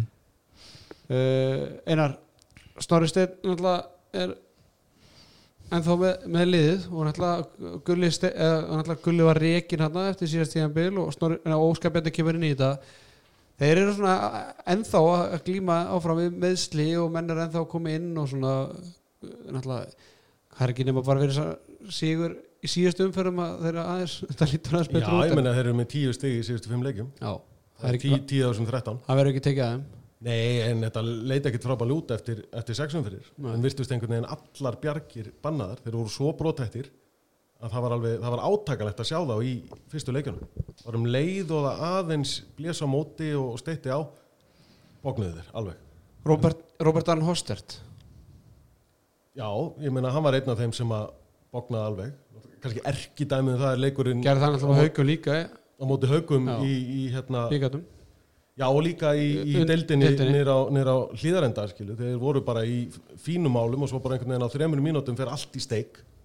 En þeir eru búin að, að aðeins vinna sig út út úr því líka og menn eru orðnir hilli. Róbert náttúrulega var að brasa í meðslum. Hann er alltaf að verða öflugur öflugri. Aggi er farin að detti núna, núna aftur þó hann meginn þá missa nokkra steina til, a, til að komast í sitt, í sitt allra, allra besta form og þeir svona hafa einhvern veginn náð að koma sér í gegnum en hann erfið að kapla upp á tímabilsins án þess að panika Robert Aron, hann er búin að spila 6 leiki á þessu tímabili, hann með 2,5 marka meða til leik með 37% skotinningu Það er mjög óvan, óvanalegt hjá þeim gæða leikmanni. Voru við kannski ógóður að sleppa honum í ombriðali í síðustum fyrir það Já, hvernig, við vorum með Tarik í staðinn. Á dag, já, Já, við að skita já alveg argjófli sko. En, en það er kannski svona, þú veist, af því að þeir eru bara búin að vera á það góðu raunni að kannski ekki kannski ekki, þú veist, komið að söka allan í síðustu leikjum og hérna en svona varandi það aðeins að þú veist hvað, þeir voru með hvað, eitt stig eftir nei, hvað voru með þrjú stig eftir, eftir sex. leiki, já. En svo, svo náttúrulega leit þú veist, náttúrulega voru alveg með mjög erfiða leiki í byrjun. Það er náttúrulega verðum að taka það fram þó að það sé náttúrulega mikið vombrið fyrir liðins og val og en maður svona, var ekkert alveg viss hvort þið færi inn í þetta, inn í þetta prógram sem maður áttu en að gæðselba að vinna allir leiki. Bara þú veist að þeir virkuðu svo brotnir já, þeir bara gátt ekki, þeir gátt ekki keift nei, nei, en Nei, það er svona, finnst mér alveg það má alveg gefa þeim kredit fyrir að hafa ekki bara rifið sig upp í að vinna skilu, þrjá að næstu fimm eða tvo að næstu fjórum heldur að taka bara fimm í röð. Mér finnst það sína sína talsveit mikinn styrk hjá, hjá liðina, rífa sig upp úr þessu, þessu mjög djúpa dal sem þeim voru í virkilega ná að rífa sig almennilega í gang. Ekki bara svona aðeins skána heldur að verða bara nokkuð, nokkuð öflugir í síðustu leikin Mhm. Já, ég fann það líka sjálfur sér alveg, Já, búin að spila svona eins og maður hefði kannski búist við þeim fyrir tíumbilið ef, að- ef að allir hefði verið heilir. Þeir taka sér tvo Evropuleiki við Brekans líka, þeir eru að bæta, henda því inn, ekki í- því. líka. Þó þeir séu dotnur út úr byggandum, skilu, þá held ég að þeir líti bara nokkuð brosandi á, á síðasta mánuðin. Svo er mér skemmtilegt hérna markvara hvernig markvara taktikið er í síðustu leikjum að, að láta hreyða taka fyrir áleikin og, og, og danna setni það er, að, það er að virka ágætlega í höfum þetta er svona eins og með Bubba og Seðilinn Íslandsmeistar árið Já, það er Blast from the past. Já, svo mæta þær þjálfarlausum frömmurum í næstu umferð. Já, það verður nú búið að ráða, ráða þjálfara þá. Mjög líklega. Það verður ráðin á morgun. Herðu, hver er hennar besti leikmar vals fyrir hluta tímils? Heyrðu, það er leikmaður sem að uh, við gaggrindu nú hérna í byrjun eftir fyrstu leikina. Gaggrindu nú líka svolítið í fyrra. Og bara svona leikmaður sem að maður svona farin að hafa tilfinningunni bara hvort hann er bara leiðin að fara að hætta. En hann er búin að stíga heldur betur upp og svona verið svolítið samnefnarinn í þessu frábæra gengi vals, búin að vera eiginlega góður í öllu leikjum á þessu, þessu rönnið þeirra og það er Anton Rúnarsson. Finnur ekki, hann er eiginlega búin að spila ofáa leiki? Já, hann er að finnur búin að flottur en Anton er einhvern veginn algjör hertóið þarna og, og stýrir öllu og, og bara búin að vera frábær. Bara með góða skotendingu og er að finna félagi sína vel og, og, og svona þú veist það er kannski sært á minna að Robby sé búin að vera slagur af því að Anton er búin að vera svo góður. Fara- Já, ég, ég er sammála því, er svona það er ekki hægt að segja að Aggi eða Robby er svona, svona Maggióli svona- Maggióli kannski, já, já, Maggióli samt hann er ekki búin að ná sömu hæðum og náði fyrra, ekki nála því sko. þó hann sé búin að vera fín undanveri sko.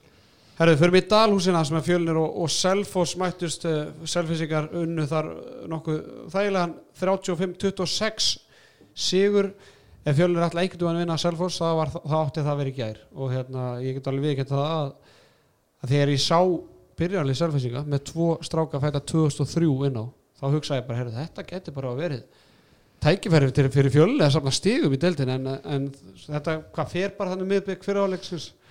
Og hérna hann að enda með nýjum mörgum allt og stór sigur fyrir fjölni að tapa þetta Einar Baldin Baldinsson og Sölvi Ólafsson með 5 varða bolta í Selfosmarkinu, Herger Grímsson með 10 varða, nei 10 mörg Guðin Ingvarsson 5 mörg og Haugur Þrastásson einugis með 5 mörg og 8 skotum en 6 stóðsendingar Alli Ævar Ingólfsson með 4 mörg hjá fjölni þar var Axel Hilmesson með 13 varða bolta.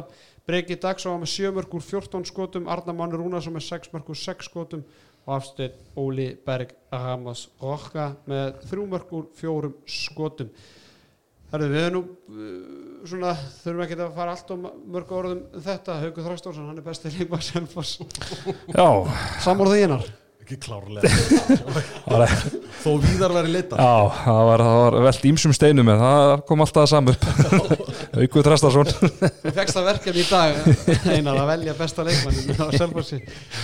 Og þú varst óvinnu fær þarna bara eftir hátti Já, ég er búin að leikja undir feldi núna bara síðan, síðan í morgun. En herðu bara, veist, þessi sigur, nýjamarka sigur og, og hérna bara Selfinsingan er alltaf bara í þvílikum meðsla vandræðum og, og reynir byrjaði bara á miðjunni, fættu 2003 og, og Ísak Gustafsson í hægri skiptuna, þetta var bara strákar sem var sérfræðingar var að glíma við fjórflokki kalla í fyrra. Ég svo samt með, með gríma að henda Ísaki bara í, í skýtuna Þú veist, hann hefði alveg getað verið með Magga Ödder. Magga Ötter eða eitthvað rétt að hæra með hann bara gefur þessum strákum tröst og, og, og það er bara alveg sama hver er settur hann inn á þessu selfhóðslið það er bara, það er bara það, það er ekki að sjá að það er að stíga þessi fyrstu skref Og sko. það er eitthvað í vatninu þetta líka. Í Það sem þeir eru að framleiða af leikmanni á mjólkinni að sjálfsögðu mjólkubúið. Það bara flæði beint út um kranana hjá þeim eins og, eins og vatni hérna í, í borginni. Það er frábært líka, bara alveg geggjað að, að það er eiga af strákum sem eru bara, verða svolítið bara stökka fullskapaðir, svo gott sem. Haugur Þrasta var 16 þegar hann var að slá í gegn með liðinu líka. Þannig, að- og þetta er ekkert nýtt, Elvar var byrjað að spila þarna og, og svo framvegis og svo framvegis. Mm -hmm. Árum áður misti þeir alla þessar leikmenn, nú halda þeir öllum heima og, og rækta sinni eigin garð. uh, hvað, Herge Grímsson já, Herge er náttúrulega með tíu mörg hann náttúrulega svona þegar að haugur eh, er tekin í hérna bara tvöfaldar á hann eða aðeins náða að stoppa hann þá er náttúrulega þar hergi núna að taka hérna, helviti mikið á sig og hann hérna, stóð undir því með, í gær með tíu mörg úr, úr, úr tólf skotum mikið í skittunni á, á miðunni búin að vera það svolítið í síðustu leikin þannig að hann alltaf ég geti ímyndað eitthvað eitthvað vinstur og hotna með deildi sem allt í hennu þurfa bara að taka skittustöðun á sig og bara fara léttleikandi í gegnum það. Bara sjá Vigni Stefáns í í vinstur skittunni á all Já, ég ekki alveg en, En ég meina, hann- við sáum þetta samt í fyrra og eða var að hitti fyrra, var að leysa miðun og svona við og við og svona. Já, já. Þannig að hann hefur svona sem alveg sínt okkur þetta áður. Vandamáli á fjölni í þessum leiku hefur náttúrulega verið að koma skotum á markið. Já. skora hvað 26 mörg Og vörni það var líka tíu- hræðileg. og það eru 10 varin skot hjá, hjá sjálfisingum já, 36 skot sem, að, sem er koma á ramman það er ekkert rosalega á mikið 60 mínú, í 60 mínútum. Já. Þetta er líka bara svona eiginlega í öllum nánast öllum heimileikunum heimaleikjunum er að hinga til. Það er svona er mismunandi hvort þetta gerist bara á, á fyrstu mínúti eða svona í kringum 15. mínúti að það kemur svona tímínuna kapli bara sem við tapa bara með 8-9 mörgum og bara game over sko. Og bara enn eitt skipti sko. Sko, Já, það er eitthvað lið líka sem að þykkur svoleiðis forgjöf, þá er það selfisingar já, já, bara keira, keira það er bara þeirra ær á kýr sko. Rúla yfir lið, rétta þeim boltana ofta á silfufati í einhverju svona svona, svona leikjum skilur en, þetta, en þetta var allavega svolítið vonbröðum með þessi úslit og ég ég var að segja að þetta í gær fjölin er ekki að tapa á móti Íslandsmeistarliði Selfoss í gær, þeir eru bara að tapa á móti nánast bara þriðjaflokk í Selfoss. Ég meina haugur ennþá gælgengur í þriðjaflokk gerum okkur gröf fyrir því. Engin venjulegu nei, það er nú bara eins og það er. Það er ekki skemmtilegu þriðaflokksleikur ef, að- ef að haugur var að spila með það. Með Reynu og Ísak með sér og, og Já. tryggja Þóris í þristaflokkinni það var skrítið. Herðu, hérna bestileik með fjölnis á þessu tímuli Það er Breki Dagsson. Það er eiginlega, það var frekar auðvöld hann svona uh, já, já, hann er átt svona alveg hann náttúrulega mæði bara svo mikið á hann sko. er og hann er svo sem alveg staðundi því oftast nærinu, þetta koma leikir það sem hann er með lilla skotnýting og, og annað, en ég meina hann þarf bara að taka svo mikið af skotum og, og, og svona loka ákvörðunum sko, hann er, er náttúrulega alveg sletti bánd og hepp en að, að það gerist gerist inn á milli. En svona rósaði nú í síðasta þetta hann heldur því áfram Arna Máni Rúnarsson á línu hann er komið með ykkur 24-5 mörg bara út jafnmörgu skotum sko. Já ok, hann er ekki búin að klúra skot en þá það er það er bara, svo seipa í mér fyrir árumæti fyrir já, einmitt. Hann er fær, þó hann er ekki nála til að ógna breyka í að vera besti leikmæliðsins þannig bara vildi hann fái hann fær honorable mention í hvert svona, svo framlega sem hann heldur þessu rekordi sínu Fjölinsmenn, þeim var spáð 11. sæti, þeir eru í 11. sæti núna þannig að það kemur engum óvart við spáðum selfisingum 5. sæti en þeir eru í 3. sæti deildarinnar samt búin að lendi þvílíku meðslum Já. þeir eru samt sko tveim stigum fyrir ofan sjöndasæti þetta er náttúrulega rosalega jafnt þannig að þeir eru eiginlega bara svona nokkur neginn á kannski þeim stað sem við, sem við tabla lígur ekki en já, ég held að satt að grímur sé bara mjög ánar eins og þú segir, bara með allt sem að, hérna, hefur gengið á og svona að, það verður þeir bara svona tiltrúlega sátti með, með sína uppskjöru held ég. Já, ég held að hann sé svona, horfið aðeins öðru á þetta núna með að hvernig hann horfði á þetta fyrir tíðabilið það verður nú bara að segjast alveg eins og öðru. Og þetta er bara dýrum þetta mínundu sem þeir að gefa ungu strákunum og, og meðan þeir eru að samla stígum þá geta það ekki verið sáttari Herru, mig sagði mér við ætlaðum að tölum um fram mikið áðan og, og hérna þú ert eftir að velja besta leikmann fram. Já, það er Þorgumur Smári Ólafsson. Já, þótt að Tokki hann ekki átt glimrandi leik í gæri í tíu marka tapi gegn FH sem var jáfnframt síðasti leikur Guðmund, Guðmundar Helga Pálssonar sem þjálfara fram. Þá hérna var Þorgunarsmál með fjögur mörg úr 13 skotu Valdimar Sigursson 6 og Mattias Staðarsson 1 6 þar að 5 úr vítum. Lárus Helgi Ólafsson 9 var að bolta og Valtýr Már Hákonarsson 3 hjá FH Phil Döler hvernig segir þetta á þýsku? Einar? Júla. Döla að með átján var það bolta Birki Fannar 1 var einn bolta Áspjöld Friðursson 10 mörg og Einar Eðsson 5 aðri minna besti leikmaður FH á þessu tímili Það var markaðasti leikmaður að lesa sér þessu leik Áspjöld Frýrsson, mjög óvænt Já. Það er enginn geta giska á það fyrir Það tímabili var svona hinn sjokkarinn Sjokkarað valdir haug og svo alveg Já. bara slegin að ásins ég var hann að fá Það eru kannski bara aðeins hérna framlið Nei, við erum búin að taka fram en bara Þorgun Smári átti alveg ræðilega leik og, Já, og náttúrulega Stefán Darri fær rautan á 28. mínútu. Já, og það er náttúrulega bara, bara búið. Já, já Þetta er svona svolítið Svo lýsandi fyrir framlið eins og það er búið að vera núna í ár. Þeir tapum með 10 í gær. Þeir eru í nýjönda sæti með mínus 16 markatölu. Já. og 10 þeirra marka koma í, í gær. Þrýr sigrar, eitt jafntöfli og, og sjö töp. Þannig að þeir eru að siglast í gegnum alla leiki. Þeir vinna ekki stort við tap ekki stort Mhm. nema í, í gær sem að kostaði gumma þá djópið. það verður bara voru að, Það er býða bara eftir einn ein í fleikingu svo getur látið að fara. En já eins og með Togga bara þetta er svona þegar að Toggi eh, spila vel þá, eða þegar Toggi er góðleik þá frammeðulegt góðleik sko. hann er svona svolítið samnumðari hvað það var já ég minna hann verður bara að drita á mark já, sérstaklega ekki er en dölerinn, er eitthvað, ertu með eitthvað kveði á þýsku einar til döler ég veit ekki, hvað viljum við segjum að kveðja hann alveg eða erum við bara hvetja hann til, til dáða? Hveti hann áfram bara, ég menn átján varðið boltar. Já, virkilega góða leikur en hann hefur kannski ekki alveg fundið stöðuleikan í, í kriganum, rosalegt öklega eira maður. Hann alveg. Er búin að þrjá svona alveg geggjaði leiki. Svo rest bara, þess á milli er hann alveg bara vera hann ekki blöðru sko. ég veit alveg sem að F-fáingarnir myndu frekar þykja að hann væri bara svona solid með 13-14 bolta. Já, bara eins Það er þægilega svolítið held ég að plana leikin eða þú getur svona nokkurnu þegar verið vissu um hvar markværslæðin er. það er betri nýting svona hvað stíðin var þar það skilaði fleiri stígum að vera alltaf með Já, já. 12-13 heldur en að vera með 2 og svo 19 mm. Herra, við spáðum F-fáingunum náttúrulega fyrsta sæti fyrir tíðanbili en, en þeir sita í fjórðasætinu eins og staðin núna með 14 stig, fjórum stigum á eftir haugum, eins og staðin núna þá eru haukar F á í undanúrslutunum en við kannski látum okkur tegja það síðar en hérna einar Sigursteinn Ardan alltaf tók við liðinu af Haldur Jóhanni fyrir tíðanbili fengur alltaf tjúrætt af góða mannskap. Einhverja hafa verið að glíma meðsli og, og, og náttúrulega dölarinn svona upp og ofan. Já, ég menna, þetta sé ekki auðvelt fyrir Steina að taka við þessu liði, að hann er að taka við liðinu á virkilega góðum, góðum stað, gott lið sem er búið að ná góðum, góðum árangri það er ekkert endilega þá ávísun á að, að þessu auðvelt að, að viðhalda því. En mér stæði fangandi er svona, það er búið að vera þeim. Átt mjög góða leiki og svo hafa þeir tapa leikjum sem maður einhvern veginn hefði aldrei trúið að þeir myndu, myndu tapa. Og kannski fleiri töpuð stigar maður hefði giskað á fyrir, fyrir tímabilið. Vissulega einhver meðislegin það á við um öllið. Það eru allstaðar einhver tíman einhver, einhver meðisleg og færði aldrei gegnum sísonið með, með alla heila í öllum, öllum leikjum. Tónsett, þú náttúrulega sem mikill og harður F-fáingur dánaði með uppskjöruna hinga til?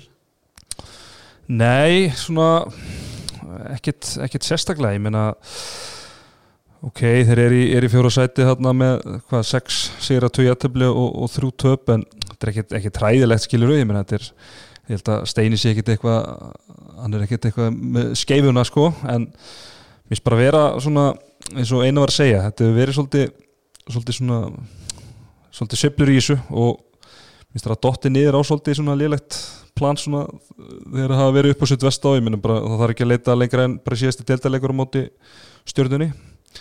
Það sem við voru, voru ekki góðir en, en ég held að ég held að þessi lið sem að mun bara vaksa þegar, að- þegar að líður á tímabili og verða alveg, verða alveg lið sem að, sem að við munum ræða sem svona kontendera í að verða Íslandsmeistarar þegar, að- þegar að líður á voru en, en mér finnst svona það sem við þurfa bara er stöðu markvæsla ef þetta lið bara væri með stöðu markvæslu þá væri, ef þið varum með markvæslunni á haugunum þá væri þeir alveg með jafn mörg ef ekki fleiri stöðun haugunir ég er alveg samfærið um það. Já, það er bara ekki spurt að því. Nei, nei, það er nefnilega málið. Þú ert með bara Gretar og Andra Skefing í markinu og, ef og hefðu kannski, allt það. Já. en það er spurning hvort að dölurinn þetta kveiki eitthvað í honum. Ég er alveg gefa honum, gefa honum meira en einhverjum nokkra vikur til að ná, ná áttum. já, já, Hann er í, er í nýju landi og nýri deild sem hann þekkir ekkert og talar ekki tungumálið og, og allt þetta, allar þessar sögur fram og tilbaka og það er nú ekkert alltaf sem að sem erlendi leikmenn ná að stimpla sinn bara 1 fyrir 10 og maður getur alveg gefið markmönnum aðeins meiri, meiri tíma til að, að detta svona inn í, inn í einhvern rithma með, með nýju liði sem er með slatta af nýju mönnum líka.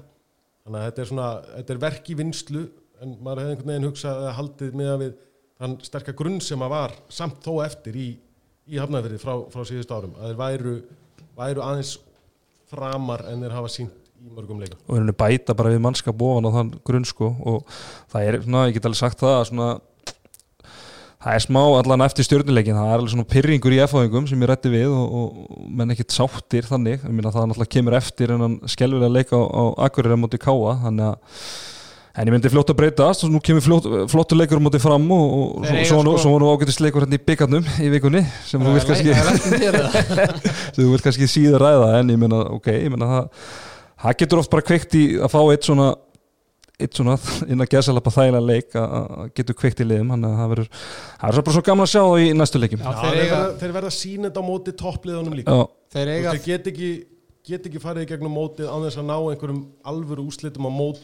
mótið haugum, afturlendingu og, og, og þessum liðum líka. Það er ekki nóg að, vera rosa góður á móti fram og, og móti gróttu ekki leggja mér. Og hérna ég verður bara einn enna eftir í stúdíónu en, en tapa svo fyrir liðanum sem eru, eru í kringu því þú er búin að að tapa fyrir Selfossi náttúrulega? Já, fyrir, já, sjálf, Un, unnur þetta afturhaldingum einu já, þeir eiga, jafntefli við hvað ég Haukana. koma að stað hérna? Nei, þeir eiga þrjá leikið fram á jólum. Það er Selfoss úti, Valur úti og IBF heima. Þetta eru leikið sem þeir fengur bara einungist tvö stíu byrjun móts. Já, einmitt. Já, ég meina valsararnir eru komnir aðeins á skrið. Þannig að þetta verður það verður, þetta er stórt próf sem að Ardal er að fara í. Já. Já, ég meina F-fangar getur mjög hæglega að fara bara mjög brosandi inn í jólapásuna eftir þess að þrjá leiki eða það getur allt verið í hakki eða, þeir verða bara á svipum stað ef, þetta- ef að sumi leiki fara vel og aðrir, aðrir ekki. En þetta eru, þetta eru þrýr algjörlega krúsja leikir fyrir þá. Þetta er nánast, ef þetta fyrir illa þá er sísónu orðið svolítið erfitt. Ef þetta fyrir vel þá er þið bara farin á blúsandi ferðin í undirbúinustíðumbil 2 Já, þetta er svona svolítið leiki sem við munum svolítið sammála því sem móta svolítið framaldið hjá, hjá FH því að þú veist, það kemur líka, hvað eru væntingar? Hvað Já. lið, vilja lið vera og hvað ertu þá ánaður með?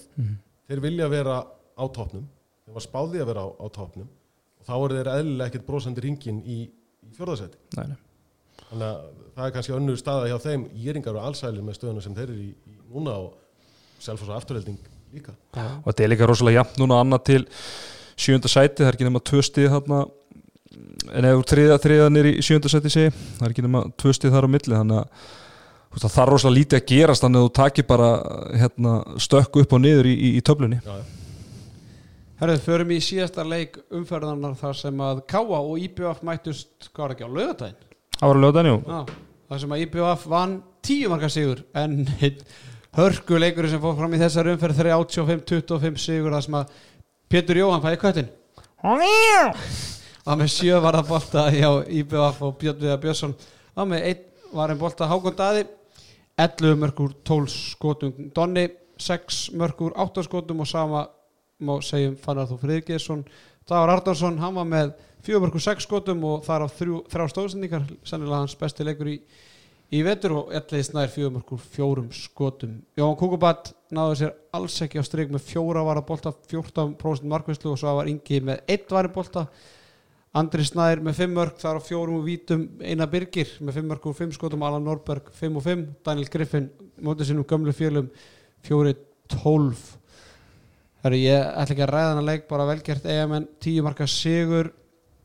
En þetta eru Káamenn, þeir eru í nýjönda seti deildarinnar, nei þeir eru í áttunda seti núna spáðu nýjönda en hafa allir sérfræðingum smá vombriðum það verður bara að segjast ekki kannski stíðasöfnin heldur bara hversu stórt og illa þeir að tapa þessu leikir sem þeir hafa verið að tapa. Og margir á heimavalli það er ekki bara F-leikur sem við vinna? Á heimavalli er það eini heimasigur þeir tapa á móti haugum með þremur tapa með sex á heima á móti ír játtöfla á móti stjórnari vinna FA með fjórum og tapa síðan með tíu á móti IBF Mhm. það er sex marka tapa á móti ír þarna þegar að já já það verður bara eins og það er. En þeir eru í, í áttundsætti deildarinnar og ég er í, inn í eins og staðin núna með hérna nýju stig, fjóru stigum eftir IBF sem er í sjönda sæti. Þannig að það eru strax hérna, fjögur stig á milli. Já, og dýri leikur. já, innbyrðisleikur hérna og Já, fjórustega leikur. Ef, ef að káði tekið þetta þá er jafna við, við IBF og verið þá tveimur á eftir val og, og er og IR þá fyrir kvöldi en bætti svo við sér stíði kvöld.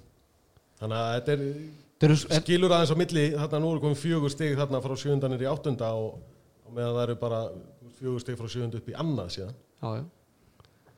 og ég meina það er skrítið að segja, segja, segja sko, valda með vonbriðum en ég meina fín stíðasöfnu hérna vinna F á náttúrulega og, og hérna allt það en, en ég vil sjá meira á heimavelli.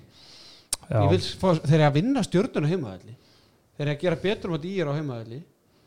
Mhm. það er svona að, er að bögga mig já og svo svo hefur þetta svona Tarik náttúrulega Já, farin og svo náttúrulega missar Atche sem er mjög vond fyrir það, það sást bara í gær. Ég meina Daniel er náttúrulega bara fýtt leikmaður og allt það en hann er náttúrulega bara fengið hann til að vera Backup vera og- var að skefa fyrir hann og Allan og, og, og, og svona geta kvílt kannski ágæðans í, í vörninni og svona en Þeir hugsaðum hann að við erum bara hotna maður. báðar stöður Já. skilur, Já. dottið inn. Tímundu kortir í kvora og nákvæmlega og, ég meina það og ég meina hann verður samkvæmt mínum heimildum frá Akureyri allavega frá áfram með áramótum og þeir stefna á að hann verði klári í, februar en við höfum svo sem eftir að sjá hvernig, hvernig það gengur. Og þeir eru náttúrulega bara í smá basli þegar, þegar hann er ekki með. Svona þeirra langt besti spilari veist, það fer einhvern veginn allt í allt í gegnum, sóknarleikur er svolítið fyrir mikið í gegnum hann, hann er svona svo sem er að velja og taka ákvarðanar, þannig að þeir meiga illa við að hann sé, sé lengi frá Ég er að fá hérna tíðend úr, setnubylgin að það heyrist lítið í Haldur Jóhanni þegar við erum að tala um þjálfaramál fram. Já, Það er nú bara ef, sko, ef, ef, að- ef að framararnir er að fara að ráða hann þá er nákvæmlega null greiði gerðið með því að sitja í kvöld. Það er það mjög Já. Herru, besti leikmaður Káa Herru, það valdi ég, Tarik. nei, ekki. Tarik ég valdi Dag Gautason hann hefur svona sérstaklega blómstra eftir að, hérna, að Tarik fór. Eftir að hann fór að fá boltan já, hann fór að fá boltan já, það vill, það vill gera það. Og svo þegar hann hefur að spila fyrir framann í, í, í þrý treyturinn þeirra hefur hann staðið sér líka frábæla og skora fullt af hraðablusmörkum náttúrulega eh, að nýti góðs að því að vera fremstur og, og skora mikið hraðablusmörkum og hann hefur verið svona, já þeirra besti maður á mínum að Patrikur svona hefur átt skorpur Hann kannski. byrjaði vel, hann byrjaði vel, já, og svona sérstaklega eftir að svona fyrst eftir að Tarik fóru svona, það er svona aðeins hægst á honum og já, ég held að Dag Gautarsson sé bara svona frekk nokkuð augljóst og allt sko. Einar, sérðu Káa ná í úsleikinu já, ég gerir það eiginlega. Þannig að svona stjarnan er ekkert að vara ná þeim og nei, ég meina ef að, ef að káan er ekki keppnina þá verður það af því að stjarnan nær sér á strikk káamenni eftir að sallinn stigum hér og þar. Þeir eru, eru með góða góða strákar, góða spilara. Og Átsek kemur ekki inn fyrir í februar Mhm. Nei og ég minna á heimavöllin á að vera að gefa þeim meira og hann mun alveg gefa þeim meira á einhverjum Gaf þeim ekki mikið í fyrra? Nei, er ekki svona- en það var náttúrulega þeir voru ekkert að heldur að raka inn stígunum alveg allan síðastu veit Er þetta eftir að þeir breyttu þarna veginum á heiðinni? Þannig að ferðan til hægri Já, akkurat, ég held að, held að það sé var frábæk reyninganda en næstu tvei leikir, já, það er afturhelding heima og, og haukar úti. Og svo finnst mér svolítið hattinglisins leikur hérna síðasta leikur í jól, þá eiga er fjölni heima. Og ef fjölnir á einhver tíman eiga sens í káa að þá væri það þegar að þú veist á þessum tímapunkti Nei, Það skilur, er- er er búið að opna jólahúsið. Það opna jólahúsið Já. og mikið að, þegar að hérna, Já, á, áge, ágeð mittur og, og, og ekki komin, maður veit svo ekki hvort er alltaf út fyrir Tarik eða hvernig það verður en, en ég held að þetta sé svona besti tímapunkturinn til að mæta káa sé svona um ákvörðu þessa myndir Mikið af jólabönnum líka í Káa Þannig að stuðnismannarsveitin verður vantið látin. fæ- færi sem meira yfir í jólahúsið. Já, sennilega. Uh, IBF sjönda sæti með eh, 6 sigra 13 stig. Við spáðum þeim uh, þriðja sætinu mm -hmm. Teddy, á hvaða gleðipillu voru við þarna? Já, við, ég held að það nú veri bara svona nokkuð eðlileg spá sko og þeir eru nú ekki nema tveim stegum frá því sko En því er ekkert að segja það en hérna við, spá, við spáðum nú held ég þetta var nú bara neðsta sem að þeim var spáð held ég að það verið-. Já, það var að- að- nú bara býstna nærið þessu það er bara þarna já, nokkuð stík já. okkur stig sem að leika því. Í stóra sammingin er það ekki neitt Jú. ef að hefða kannski. En þetta hefur verið svona svona, já búið að vera saga tveggja tímabila hjá IBA þeir byrjuðu náttúrulega þarna á þvílikum krafti sko og það var náttúrulega líka bara að fara að tala um Ís Íslandsmeistarkandidata svo taka er hérna hvað, fjórir eða fimm leikir í röð þarna sem er unni ekki? Fimm leiki Fimm leikir Fimm leikir í röð. Og svo eru búin að vinna núna hvað síðustu, síðustu tvo. Þannig að já, já, þeir Gríðalega sterkar sigur á móti Háka og Káa já, ég meina það þarf að vinna þá líka. Það er nú bara eins og það er. Það er eins og það er, þannig að ég veit ekki, þeir eru svona eru þetta ekki bara svona allt í lagi ekki gatt Ekki mikið meira en það. Já, PJ, hann er nú ekki heilla marga nei, hann er búin að vera vonbrið svo er alltaf spurning, ég meina þú veist, Beggi verður hann eitthvað með eða er bara er búið að askriða hann þarna í vetur?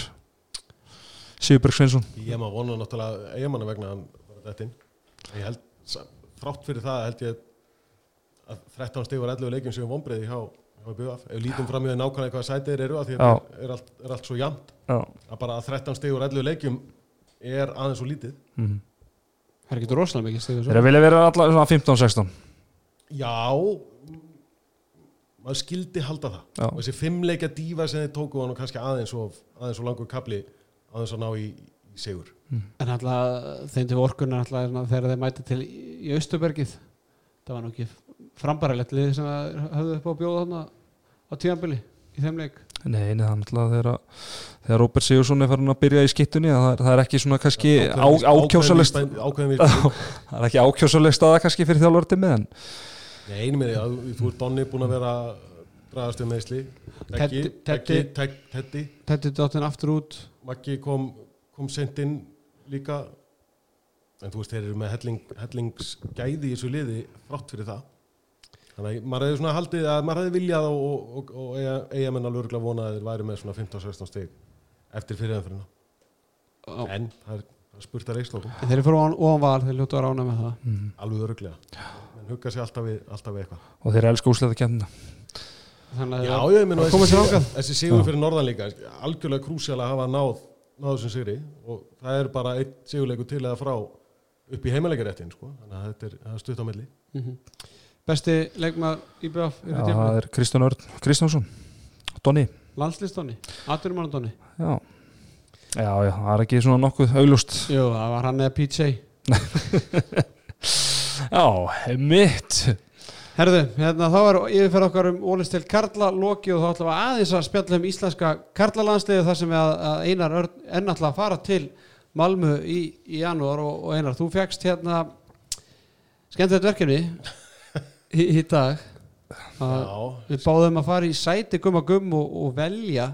Ég báðum að velja 16 vanna hérna hópen en þá stakst upp á því að frekar að vilja bara vera alveg svo gummi gumm og velja 17 ég, manna. sko, ég held að ef að Gummi Gummi fengi að velja þá var hann með 19 eða, eða 20 Færðu þú hluta laununum hans þá núna Það var ekki búin að vinka vinnun Nei, ég meina, þetta, þetta er bara jákvæður höfuðverkur að, að hafa Hvernig er þetta? Þeir eru tilkynna 16 manna hóp og með að gera breytingu á honum Já, x mörgu sinnum Já, þrísvar held ég með Já. þetta og þá með ég náttúrulega taka hvert sem er að þessum 28 mann lista Já, sem skila, skila upp álega Mhm. þannig að 17. maðurinn er svona kannski sá sem að þeir telja líklegast hann til að detta inn eða ef það er einhverjir tveir, þrýr sem eru á, á búblunni. Mhm.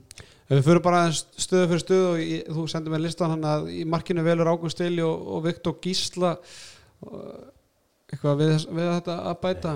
Ég held að þeir séu bara markvaraparið sem að, sem að Tommy og, og Gummi vilja, vilja treysta á. Án fyllt þess eða? Án filters að þessu sinni. Það alltaf þetta mótið. Góður. Það var annað mótið í röð Nei, hann var í, Já, hann var, hann var í, Já, hann fór alltaf Tískalandi kirkjutröppunar í Köln. Já, var það Var ekki Makedóniu hann- Þeir mættu Makedónum Það var úti? þessi síðustu tveir leikir í þessum tveir Makedóníu leikir sem hann sem að Gummi setur hann út og, og Gummi er, er þver að mörguleiti hann, hann, er, hann er gjarn á breytingar eða svona ekki breytingar, gjarn á nýjungar að gera eitthvað óvænt. En svo líka er hann, þegar hann setur menn út af sakramentinu þá er ofta erfitt að komast tilbaka. Fyrir utan Kára Kristján Já, en ég menna Kári Kristján var, var ekkert endilega á rúmstoknum hjá honum í síðustu, síðustu verkefnum. Nei. hann er þannig að hann þarf á honum að halda. Það var reyndar búið að kalla lengi eftir honum Þannig að hann var nú lengi að að þróskaðist lengi við já. Hmm. Það var reynda líka búið að kalla lengi eftir breytingum þegar Kári var í landsliðinu það er nú önnur saga. Engi veit hvað áttuðu fyrir mistöður Nei, herðu, vinstra fólki sem að kallar hæst eftir breytingum er ekkert endilega mikið að spá í hvað tekur við eftir breytingum. Nei. Nákvæmlega. Og, og talandu það, Guðjón Valur Sigursson, 40 og hvað, eins árs 40 40, já. Þannig að leiða- hvert ár skiptir máli þú ert komin yfir færtug Já. 79 mótil og, og Bjarki Már Elísson náttúrulega bara hittast í leikmaður búndesslíkunar ekki búin að vera frábæri við þér. Það er ekki markaðistur, það er næstmarkaðistur hann er búin að vera í kringu það já, var orðið markaðistur svo skoraði hann nú bara fjögur Nú. síðasta leik. ég held að hann sé enda á hann er markaðistur eða næst marka- markaðistur þetta var e, no brainer algjörn óbrinnir, steppi meittur líka og ekki búin að, ekki búin að spila mikið og, og með Bjarka í þessu formi sem hann er núna, ég þessi mjög erfitt að líta fram hjá og maður sér það bara best að því að, að í Svíþjóðaleikjónum þegar Guðan Valur gæti ekki verið með þá var hann ekkert að taka neitt annan inn bara að líta hann Bjarka spila. Já. Það eru hægra hodnið, þar ertu með Arnóð Gunnarsson og e, þú segir hérna Svevaldi Sigvaldi, mjög hrifin að Sigvalda. Já, hann er alltaf á leiðinni til Kílse Já, og bara búin að eiga frábæra veitur var markaðastur í elverum bara í gæra Já. einhver 11 kvikindi? Hvað setti hann ekki að 18 og 19 þarna? 18 í, já það voru 19 átján, átján, Átján átján, voru 18 og 21 Já, 18 og 21 í- í skoti, og bara, já, ég meina og hún er verið að spila langbæst elverumanna í, í mestaradeldinni Mhm. alltaf staðið sér í þeim leikjum sem hann hefur fengið séns með, með landsliðinu. Og ég meina, Arnór er ekkert að yngjast. Og við sáum það bara að það var mikið álag á hann á að hafa mig fyrra og, og þá tóku þessu upp meðsli þannig að ég held sér mjög gott að, að vera að koma með svona öflugan hotnamann með honum til að gefa pásur og, og, og geta jafnvel ef að Arnór, ef það kemur fyrir einhvern tíman að hann á slagan leika þá vitum við að við erum með góðan, góðan mann sem backup. Greið Óðun Þór Ríkarsson hann er Já, svona hann bara- svolítið fórtanlega baðstana þarna. Já, já, bara býður á kantinum. Já. og ég hans tími mun koma ég efast um að Arnór spildi og döðvalur Já, nákvæmlega. slatti af vinstri hotnamönnu samt í gerðin tíðina sem hafa setið heima. Já, minn tími kemur. Það er komið ykkur fjóra, fimm kynnslóðir bara. Það er vinstri skittan, það er velur F-hangana Aron Pálmarsson og Ólaf Guðmundsson. Þeir hafa nú verið lengi í þessu, það er að vera 11 ár síðan að Þeir voru fyrsta stórmótu þeirra var uh, 2010 ég held að þeirra það er Já. fyrsta stórmótu þeirra begja við vorum ekki inni á 2009 Já, þannig að þetta er nýjunda Já, já, Óli svo sem búin að fara í alls konar rússibana inn og út með nýjum þjálfurum og, alls konar. En verðist vera bara, hann er maður sem að gummi, gummi vil hafa hann. Hvernig finnst þér hérna Samvena Arons og, og Lukas Hindrits? Og hvað ég væri til í að sjá hana hjá landsliðinu Nei, þeir segja bara í, í Barcelona leikjum ég væri til að sjá Lukas Indrits Nei, eða, eða þessa saminu Arons með, með einhverjum af, af íslensku miðjumannum Já, já, það var bara að setja raukt merki í hodni þegar þeir tveir eru saman inn á. Þetta er bara rugg handbólta klám Já, og með línumennina sem að Barcelona er með, með líka. Úf, ekki byrja sko. Er- Herru, á, á miðinni, þar ertu með þrjá miðjumenn? Já, það er, ég menna, stærsti hausverkurinn hjá Gumma er ábygglega að vinsa úr miðjumannum. Gísli Þorgjör er meittur, þó hann uh, svona, lifi í vonni að að nái, nái mótinu, þá er, er það mjög tæft allavega. Þannig að þú ert með Haug Þrastar, Elvar Örd Jónsson og, Janus Stað Þetta er bara Selfoss þríegið Já, bara allir, hvað sé, mismunandi leikmenn. Þannig að þeir færa liðinu allir eitthvað, eitthvað öðruvísi. mm. Þannig að þegar þú þarft að fá meiri, meiri tætara og spænara inn á þá ertu með, með Janus Staða sem er lægri og öðruvísi og erfiðari leikmaður að eiga við fyrir einhverja varnamenn Haugur Þrastarsson ertu náttúrulega með bara að fjölir það um Haug Þrastarsson og gaman að sjá samvinna hans og Arons á móti svíjanum hvernig er svona silduð sem sigri í hús í, í fyrirleiknum á samt Viktor, Gísla. Þannig að það er svona samvinna sem að sér fyrir sér að gæti orðið, orðið eitru við vitum að Elvar og, og Haugur geta að spila vel saman. Þannig að ég finnst líklegt að að þessi þrý gæti jafnvel allir far, farið. Ertu þá með Janus sem 17. mann eða? Jafnvel. En Gummi er líka virkilega íhaldsamur sko. Þannig að það er, finnst rosa erfitt að lesa í hvað, hvað Gummi ætlar að gera. Aðalega því að held að hann sé ekki alveg búin að gera það upp fyrir sig sjálfur nákvæmlega hvaða stefn hann ætlar að, ætlar að taka. Þetta er rosa hausverkur fyrir, fyrir kallin að, að skera hann hóp niður sem er gott samt, það er jákvætt. Mm Hægri skittustaðan, þar ertu með Tate og, og, og Viggo Kristjánsson. Já, ég veit ekki alveg okkur ég tók Viggo frekar en, frekar en Donna. Ég bara, það var einhvern veginn ef þú spurt mig þrejum myndu setna þá hef ég ábygglega sett, sett Donna. Ég held að, að Viggo gæti orðið 17. maður til að byrja með e- eða, eða Janus. Er ekki freka Janus bara upp á Er hann ekki alltaf að vera að vera allar með tvo örfenda Það er örfenda skittur Jú, eða ekki. Ég meina, Á ég, á ég að skúpa eitthvað með Viggo Já, hann er að fara í nýtt lið eða eitthvað. Vetslar Já, Já, svo fer hann í nýtt liði sumar. Þú var hann búin að semja. Það er búin að semja. Strax. Já, já, sem metir. Þriðja stað. Stútkart Já, Já, með, elva, með Elvari. Elvari. Já. Og skissinni Það var eiginlega, bara, það var eiginlega klárt áður að hann samtið við verslar Já, hann væri að fara Já, Já, en ég geti trúið að hérna framistæða vikku svona á móti svíum sem var talsvægt betur en Donna. Það gæti Já, og hann er veginn, hann er, hann gerir mjög fá mistök. Þannig að þú, þú veist alveg að þú ert að fá svona ákveðið örygg inn á þegar þú setur hann inn á. Mm, svona svona uh, segja, Pepsi Max útgáðan á, á Ómari kannski? Svona með, Já, með teiti skilur með, já, mótvæði sko, já. þú veist, hann, hann, hann gerir bara sitt og hann er hörku markaskorið þessi strákur, þetta er hörku skitta ekki, ekki líta fram með því. Mm. en hann er líka mjög skinsamur og yfirvegaður sem að teitur kannski ekki þannig að þú hefur aðeins meira mótvæði þar. Stonni var kannski freka maður og þú þarft að elta fimm marka fimm marka eh, fimm mörk, þú ert að ná upp fimm mörkum á stuttum tíma. Þá er Donni kannski freka maður sem setur inn á bara til að lifta sér upp á 12 og negla. Mm. Það er alltaf margir kalla eftir uh, að sjá Viggo fá sjansinn og sérstaklega sjálftendingar og svona hans svona uh, vinuhópur þar. Skilur það núna eftir að hafa síðan í þessu verkefni, ég menna þeir hafa að prófa Arna Birki, þeir hafa að prófa hérna, Donna, Teitu vegna alltaf tækifæri langt á undan Viggo, þetta Teitu sér tölvart yngri uh, skilur þetta og, og Já, ég meina Viggo er kannski ekki mjög hvað við segja, áberandi eða flamboyant leikmaður. Hann bara skora sín mörg, oft alveg mikið af mörgum. Austuríska deildin er kannski ekki rosalega ofalega á ratarnum hjá, hjá landslistjálfurunum og Rannes í Danmörku er kannski ekki lið sem að margir að horfa til, til heldur hann. Ég held að hann hafi kannski bara svolítið silt undir ratarinn og ruglega óverið skuldað. En Teitur er náttúrulega svona meira, hvað við segja, svona flashy leikmaður Þannig að, og kannski eins og þú segir, hann er yngri en þú veist, markakongur í yngri landsliðunum á stórmótum og svo framvegis og í deildinni hérna heima og þannig að hann svona var bara á, á meiri meiri siglingu og meira fyrir augunum á, á landsliðsjálfunum. Viggo var náttúrulega bara eitthvað að leika sér í fótbolta þegar hann var á aldrei við teit sko Fyrir utan það, kannski svona Votti fótbolta, hann kemur í Pepsi Maxið í, í sumar með, með ekki. Nei, en ég held, ég held sko að, að þú hefur ákveðið öryggi í, í Viggo. Ef, að, ef þú þarft að fá pínu ró en samt marka og, og góðan spila heila. og svona, að- þetta er að því gefnu að Ómar Ingi verði meittur Alltaf þessu er sagt að því gefnu að, að Ómar Ingi muni Já, ekki, ekki ná sér. og ég hef rosa takmarkað að trúa á að hann nái sér og ég er Því ekki vissum miður. að, að það sé bara heldur skynnsamt fyrir hann að reyna að stefna eitthvað á þetta mót. Nei, nei, alls Hann á bara að ná sér 110% góðum, þetta eru þannig meðsli að, að þú vilt ekki taka neina áhættu með neitt og, og stórmót er bara áhætta þegar þú ert búin að vera frá í, í 8-9 mánuði út af höfuðu þakki. Mhm. Síðustu fjóri leikmennir það eru þrýr línumenn þú ert með Sveinn Jóhansson, Kára Kristján Kristjánsson og Ímjörn Gíslason og síðan ertu með Óla Gúst sem varnamann með Já, Ími ef hann, ef hann, ef Óli Gúst er heill. Mhm. Já, ég hérna, ég held að Arnar Freyr sé ekki, ekki inn í myndinni á gumma akkur núna. Sett hann út úr hópnum hann í vor. E, valdi hann síðan í, í hópin núna en, en Arnar Freyr afmeldaði sig sjálfur út af, af nýjameðslum. Gerna bara not going Já, í raunni. á Facebook Hann kom ekki til að láta sjúkraþjálfur og lækna landsleysins kíkja á sig. Og ef þú ert, ef þú ert á þeim stað að vera á mörgum þess að vera valinn í, í landslið, þá segir þú bara já og amen, ég mæti. Svo segir þú, herri, ég er eitthvað tæpur inn hérna.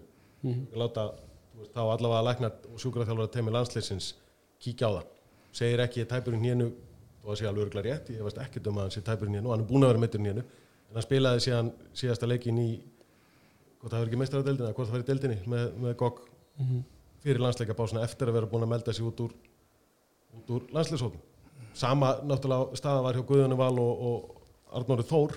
Þeir eru bara allt, allt öðrum stað þegar kemur að landsliðinu. Hann búið með aðeins fleiri landsleiki Já, ég menna og þeir eru bara óumdeldir byrjunarliðismenn í, í liðinu. Þeir eru heilir. Guðmundur þarf ekkert að skoða það og hann þarf enga staðfestingu frá þeim að, þeirra hugur eða þeirra attitút gagvart landsliðinu sé, sé rétt. Og ég held að, að, Arnar Freyr hafa ekki gert sér mikið greiða með því að, að afmelda sig úr, úr landsliðinu núna þó hann hafi verið meittur. Kottuð á heim og láttu sjúkara þjálfur að lækna landsliðsins úrskurðam og sért meittur. og líka ekkert að hjálpa hann heldur að í rauninni bara einkoma Svenna sérstaklega Svenni nýtti það frábælega. Já. og Kári og Kári líka sóknarlega sko. Kári Og- sóknarlega og bara maður sá hvað sóknarleikur liðsins fekk svolítið nýja vitt með, með línumanni sem er uppalinn og mentaður línumæður og bara með mikla reynslu og, og, og þekkingu og, og það er það sem að Aron Pálmarsson þarf að hafa það sem Haugur Þrastarsson þarf að hafa og þetta getur gefið okkur alveg nýja vitt ef að Kári nær sér, nær sér góðum og, og vel á streik með landsliðinu. það er þó aldrei að, að- að fjölnistrákandi tveir myndu fara báðir. Tveim árum eftir að falli með fjölni í, hólistiltinni einu og hálfu árið heila sko. Já, ég meina það er það, er, það er ótrúlegt til þess að hugsa. Já, já. en hann- náttúrulega leikmaður þá sem er svona skilin eftir eftir að hafa verið á síðast stórmötu náttúrulega Daniel Þór Ingarsson Já, Dan er bara ný búin að vera í aðgerð Mhm. og, og búin að vera meittur. Ég hugsa að hann mun ekki verða bara klár í slægin þegar kemur að þessu. en ég er að segja bara sko, hvað hópurinn er orðin stóra af leikmannu Já, með þarna út í frábært. Teit og Viggo skilum og svo ertu með Ómar sem er gl- glímaði meðsli Mhm. þannig ertu Birki Ben sem er búin að vera frábær Já, ég meina, Elliði var í hópnum út í, út í Já. Svíþjóð og fekk sínar, sínar sekundur þar líka.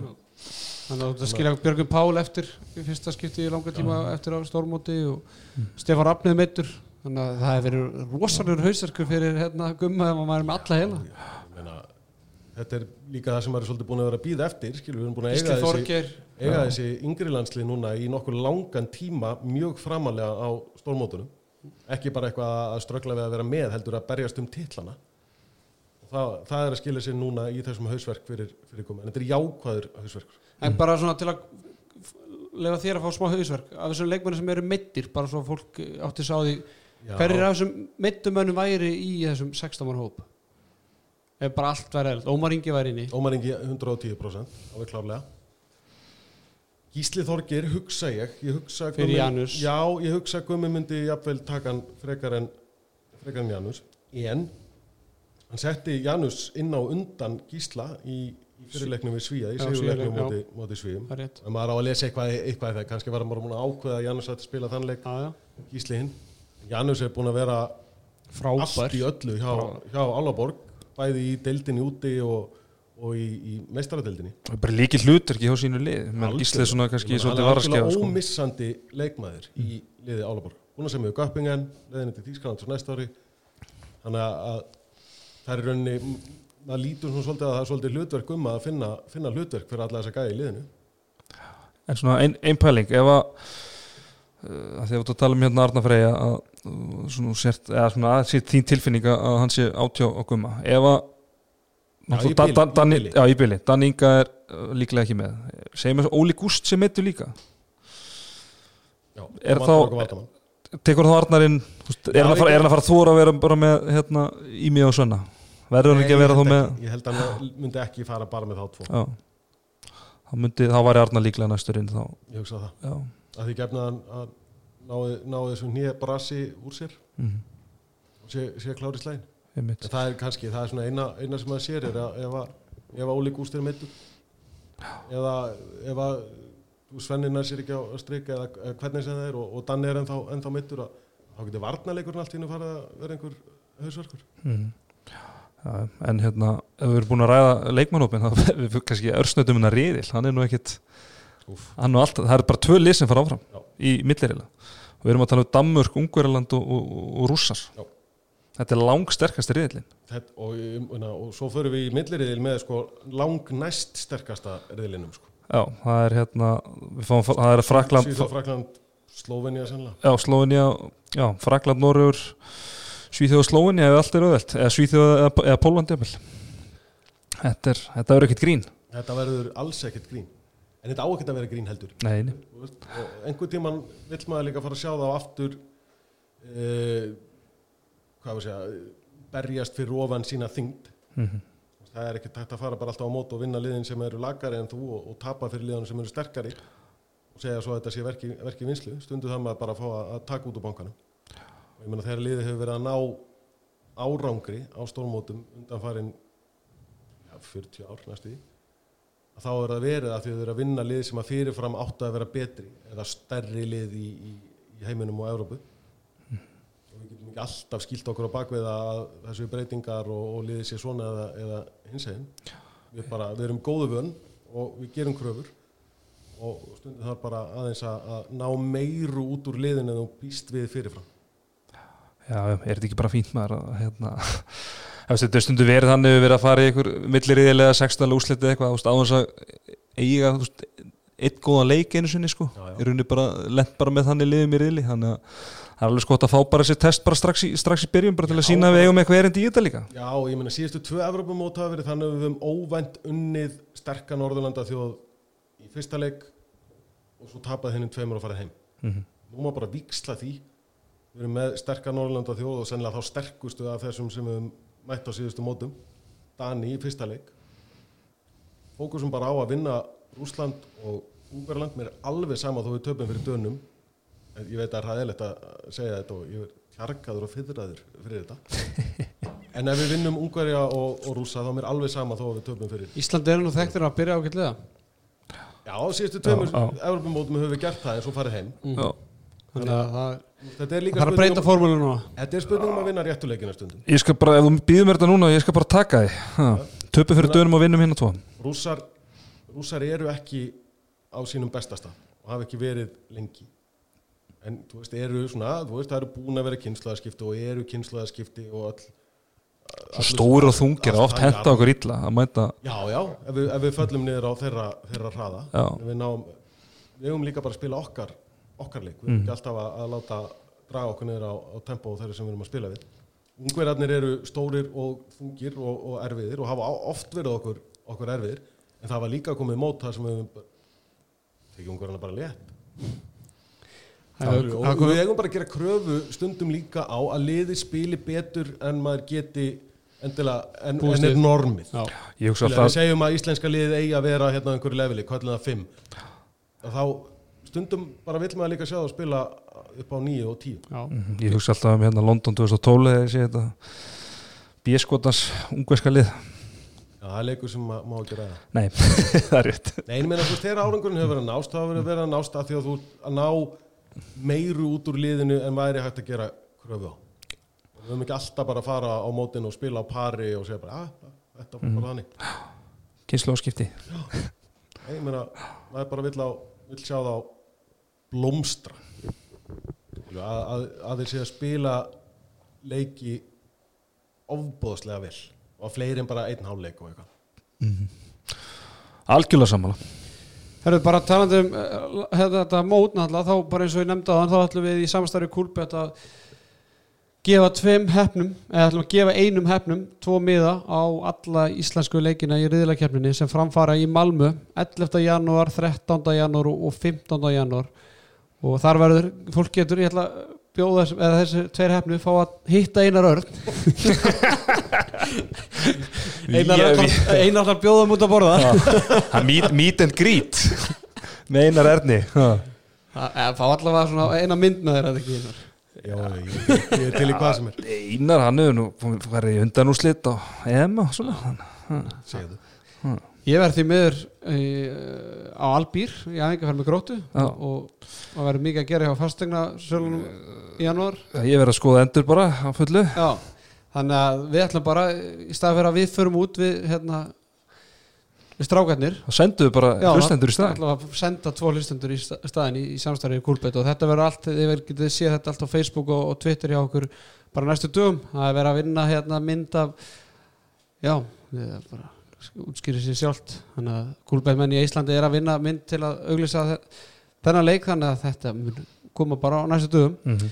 þannig að það verður gaman að sjá hérna, eða þetta er bara stýttist í þetta náttúrulega þrjárum fyrir eftir ólisteldinu og svo bara er það landsleis bíu sem er framöndan uh, við ætlum að draga út núna í lokin heppin hlustanda sem að tók þátt í Facebook leik okkar sem að fólst í því að náttúrulega Björgur Páll Gustafsson hann er að koma heim í ólisteldina og við bara báðum Facebook hérna, fylgjendur okkar að kommenta hvaða lið Björgur Páll er líklegastu til að ganga í raðir til eða bara hvað þeir sko, já, Já. heldur já. Einar, eh, eh, hérna, hvert segir Björgur Páll á næst tímili? Það er mjög góð spurning Það er alveg einhver lið sem að geta, geta nýtt sér kraft hans við erum nú aðeins að sjá líka hver er að fara Á landi frá? Íslandi Já, ætla hann fara aftur í haugana? mm, Nei, ekki líklegt mér er bara skrítið haugandi myndu taka hann Aftur? það þeir eru bara með tvo geggjaða markmenn Í BF? Já, Já. ég sé aftur já, aftur, já, já Já, ég meina Já. Greta hlýtur að stefna já, út já, jú, svo sem ég veit ekki, F á geti kannski eða í BF í BF, ég meina ef Haldur, Haldur Jóhann kannski fæði henni fram En allavega Sigurverðin í þessu Facebook-leik hann spáði því að hann fær í gróttu þannig að það var bara eitt sem kom til greina. Það er fann að fara Guðmundsson Hafferðingur já, Sósíal, sósialisti. Það eru peningar á nesinu pappi hans, hann var eins og ráðherra. Guðmundur Átni Guðmundur Átni Sigfússon. Já, Herru, þannig að Freyr Guðmundsson hann fær bókina Björgum Páls án Filtes og landslýstreyju árita Björgum Pál. Hann er ekki Sigfússon en það er annað mál. Nei, hann er, hvað er hann? Það fyrir ekkert að googla það. Er ekki Magnússon eða? Guðmundur Átni. Guðmundur Átni. Stefánsson. Stefánsson. Já, ég var nærið í. Já, já. Það er stjórnmálafræðingin og höfðinir. Það er ekki Sigfús, er það ekki hérna, er það ekki hérna íþróttafrættamæður hérna? Guðmundur Átni Sigfús? Nei. Nei, nei, það skiptir ekki máli. Klukkan er að slá í minnati hérna. Petur Jóhann Sigfús. Já, ekki þ 100 hérna, hérna, mínútur þannig að það er fín hlustu fyrir hlustendur sem er framöndan Herru, bara sérfræðingar þakka fyrir í, í bílu og eigið góða nótt.